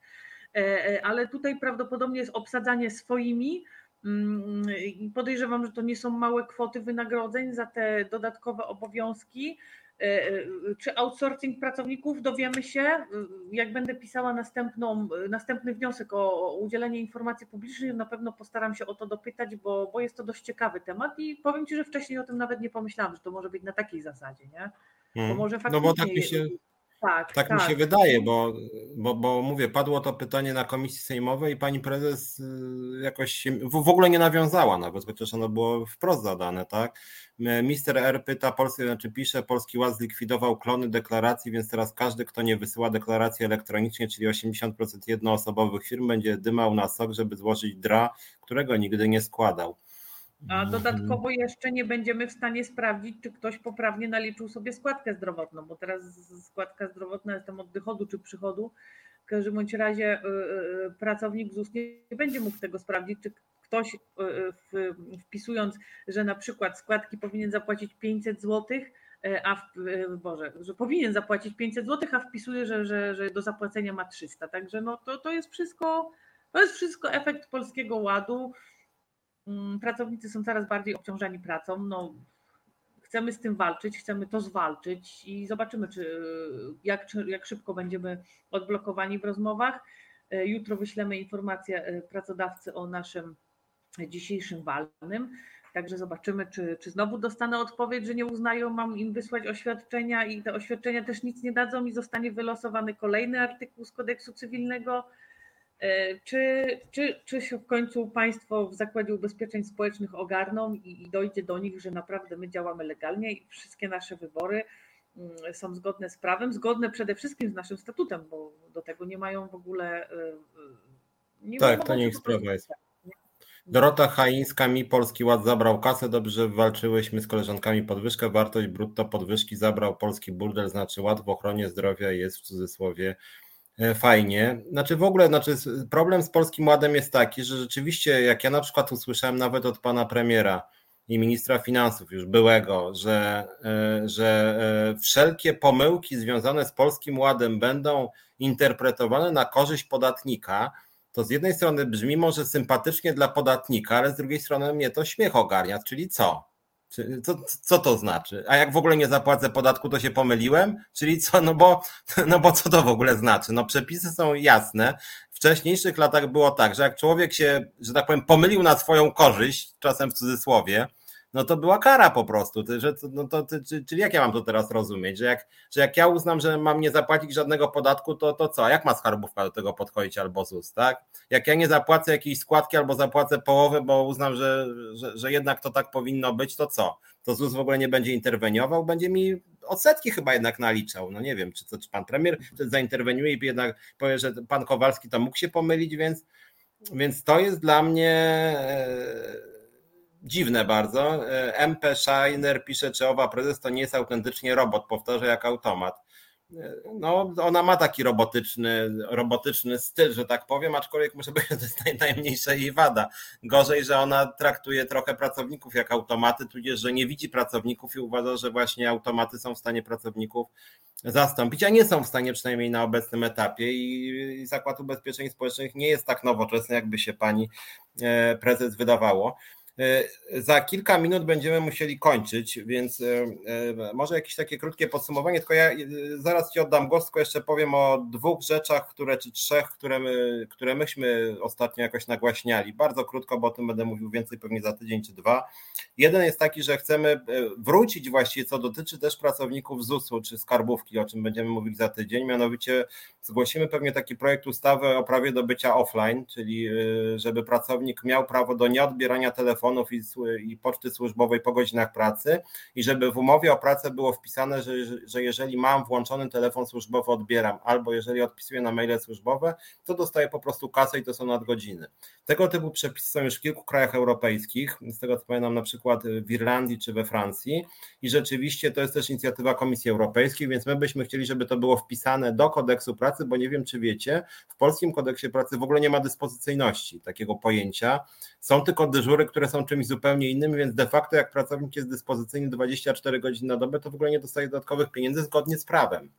Więc tą sprawę będziemy starali się nagłośnić. Drugą sprawę, którą będziemy starali się nagłośnić, już nagłaśniamy, to jest kwestia odsetek za niepłacenie wynagrodzeń na czas. Tym akurat w ZUS-ie jest jednak rzadziej, bo to jest administracja publiczna, ale w wielu firmach ma to miejsce i zgłosimy taki projekt, żeby za każdy dzień zwłoki wypłaty wynagrodzenia było 0,5% dziennie odsetek, czyli pracodawca nie płaci 4000 jeden dzień, to pierwszy dzień 20 zł, 20, 20, 20 i tak dalej. To jest druga propozycja. No i niezmiennie oczekujemy, domagamy się dwa i pół razy większych wynagrodzeń za pracę w niedzielę. O tym trochę tydzień temu mówiłem, że Solidarność przeforsowała chyba nie wiem, bubel dwudziestolecia, mianowicie praca za darmo dla członków rodziny i to różnych. W związku z tym oni uważają, że niedziela dla Boga i rodziny, ale jak, jak, jak, jak mąż, ojciec pracuje w niedzielę, to może całą rodzinę za darmo zatrudniać. Oni mają zachrzaniać od 8 do 23 w niedzielę i wtedy już jest niedziela dla handlu, a nie Boga i rodziny, więc kupy to się totalnie nie trzyma, więc naszym zdaniem znacznie lepiej prowadzić po prostu wyższe wynagrodzenia. No i czwarta sprawa, e, jutro o 10.30 konferencja prasowa pod PLLOT. I jeszcze piąta sprawa, ostatnia rzuciła mi się w oko, mianowicie nie wiem, jest taka obrzydliwa organizacja Ordo Juris i nie dość, że ona ma dosyć wstrętny przekaz, to jeszcze ostatnio zauważyłem na ich stronie, że promują darmowe staże, proponują. W związku z tym pół roku możesz pracować za darmo, dla Ordo Juris, więc nie tylko sprawami kobiet czy LGBT u nich słabo, ale sprawami pracowniczymi też mm, nie najlepiej. O. To tyle. Czy jeszcze aż coś. Komentować, naprawdę. Aż szkoda tego komentować. No dobra, wiesz, musimy, musimy powoli kończyć. W związku z tym, no cóż, życzymy wszystkim, żeby, żeby oczywiście mieli bardziej godne warunki pracy, ale zanim będziecie mieli bardziej godne warunki pracy, to musicie trochę o te prawa pracownicze powalczyć. Mamy rząd antypracowniczy, mamy prezesów, szczególnie w spółkach Skarbu Państwa, instytucjach państwowych, bardzo antypracowniczych, szczególnie nie lubią niezależnych związków zawodowych, więc my zapraszamy w nasze szeregi. Zapraszamy do Ilony. Ilona ma maila ilomałpa.op.pl. To nie jest mail służbowy, ponieważ między innymi ZUS nie chce dać Ilonie maila służbowego i stąd ten mail tak brzmi. Czekamy aż na między innymi mail służbowy. Możecie też pisać na adres związku biuro małpa za.org.pl. Mój mail jest szumlewicz.za.org.pl. Możecie też nas zaczepiać na Facebooku, na Twitterze. Też odpowiadamy. Zapraszam też na naszą stronę za.org.pl. No i generalnie rzecz biorąc, e, zapraszam, żebyście nas wstępowali, żebyśmy wspólnie walczyli o lepsze warunki pracy dla wszystkich. O. Bardzo dziękuję i do zobaczenia. No, do zobaczenia. Słuchajcie, bo już jest za pięć, trzeba kończyć, więc widzimy się i słyszymy Mam za tydzień. za pięć minut. Tak, a, a, za tydzień porozmawiamy o sytuacji w skarbówce i będzie Agata Jagodzińska i być może jeszcze dwie, trzy osoby z kasu, więc porozmawiamy sobie. Dzisiaj było o ZUSie, za tydzień o skarbówce, później też porozmawiamy pewnie o świecie, policji cywilnej, kolejnych branżach. A póki co, do zobaczenia, do usłyszenia i owocnych obrad życzę Ilonie, której już tu nie ma, a teraz ja też znikam, słuchajcie, bo e, kolejny program przed nami, więc e, trzymajcie się. Na razie, do widzenia. Reset Obywatelski.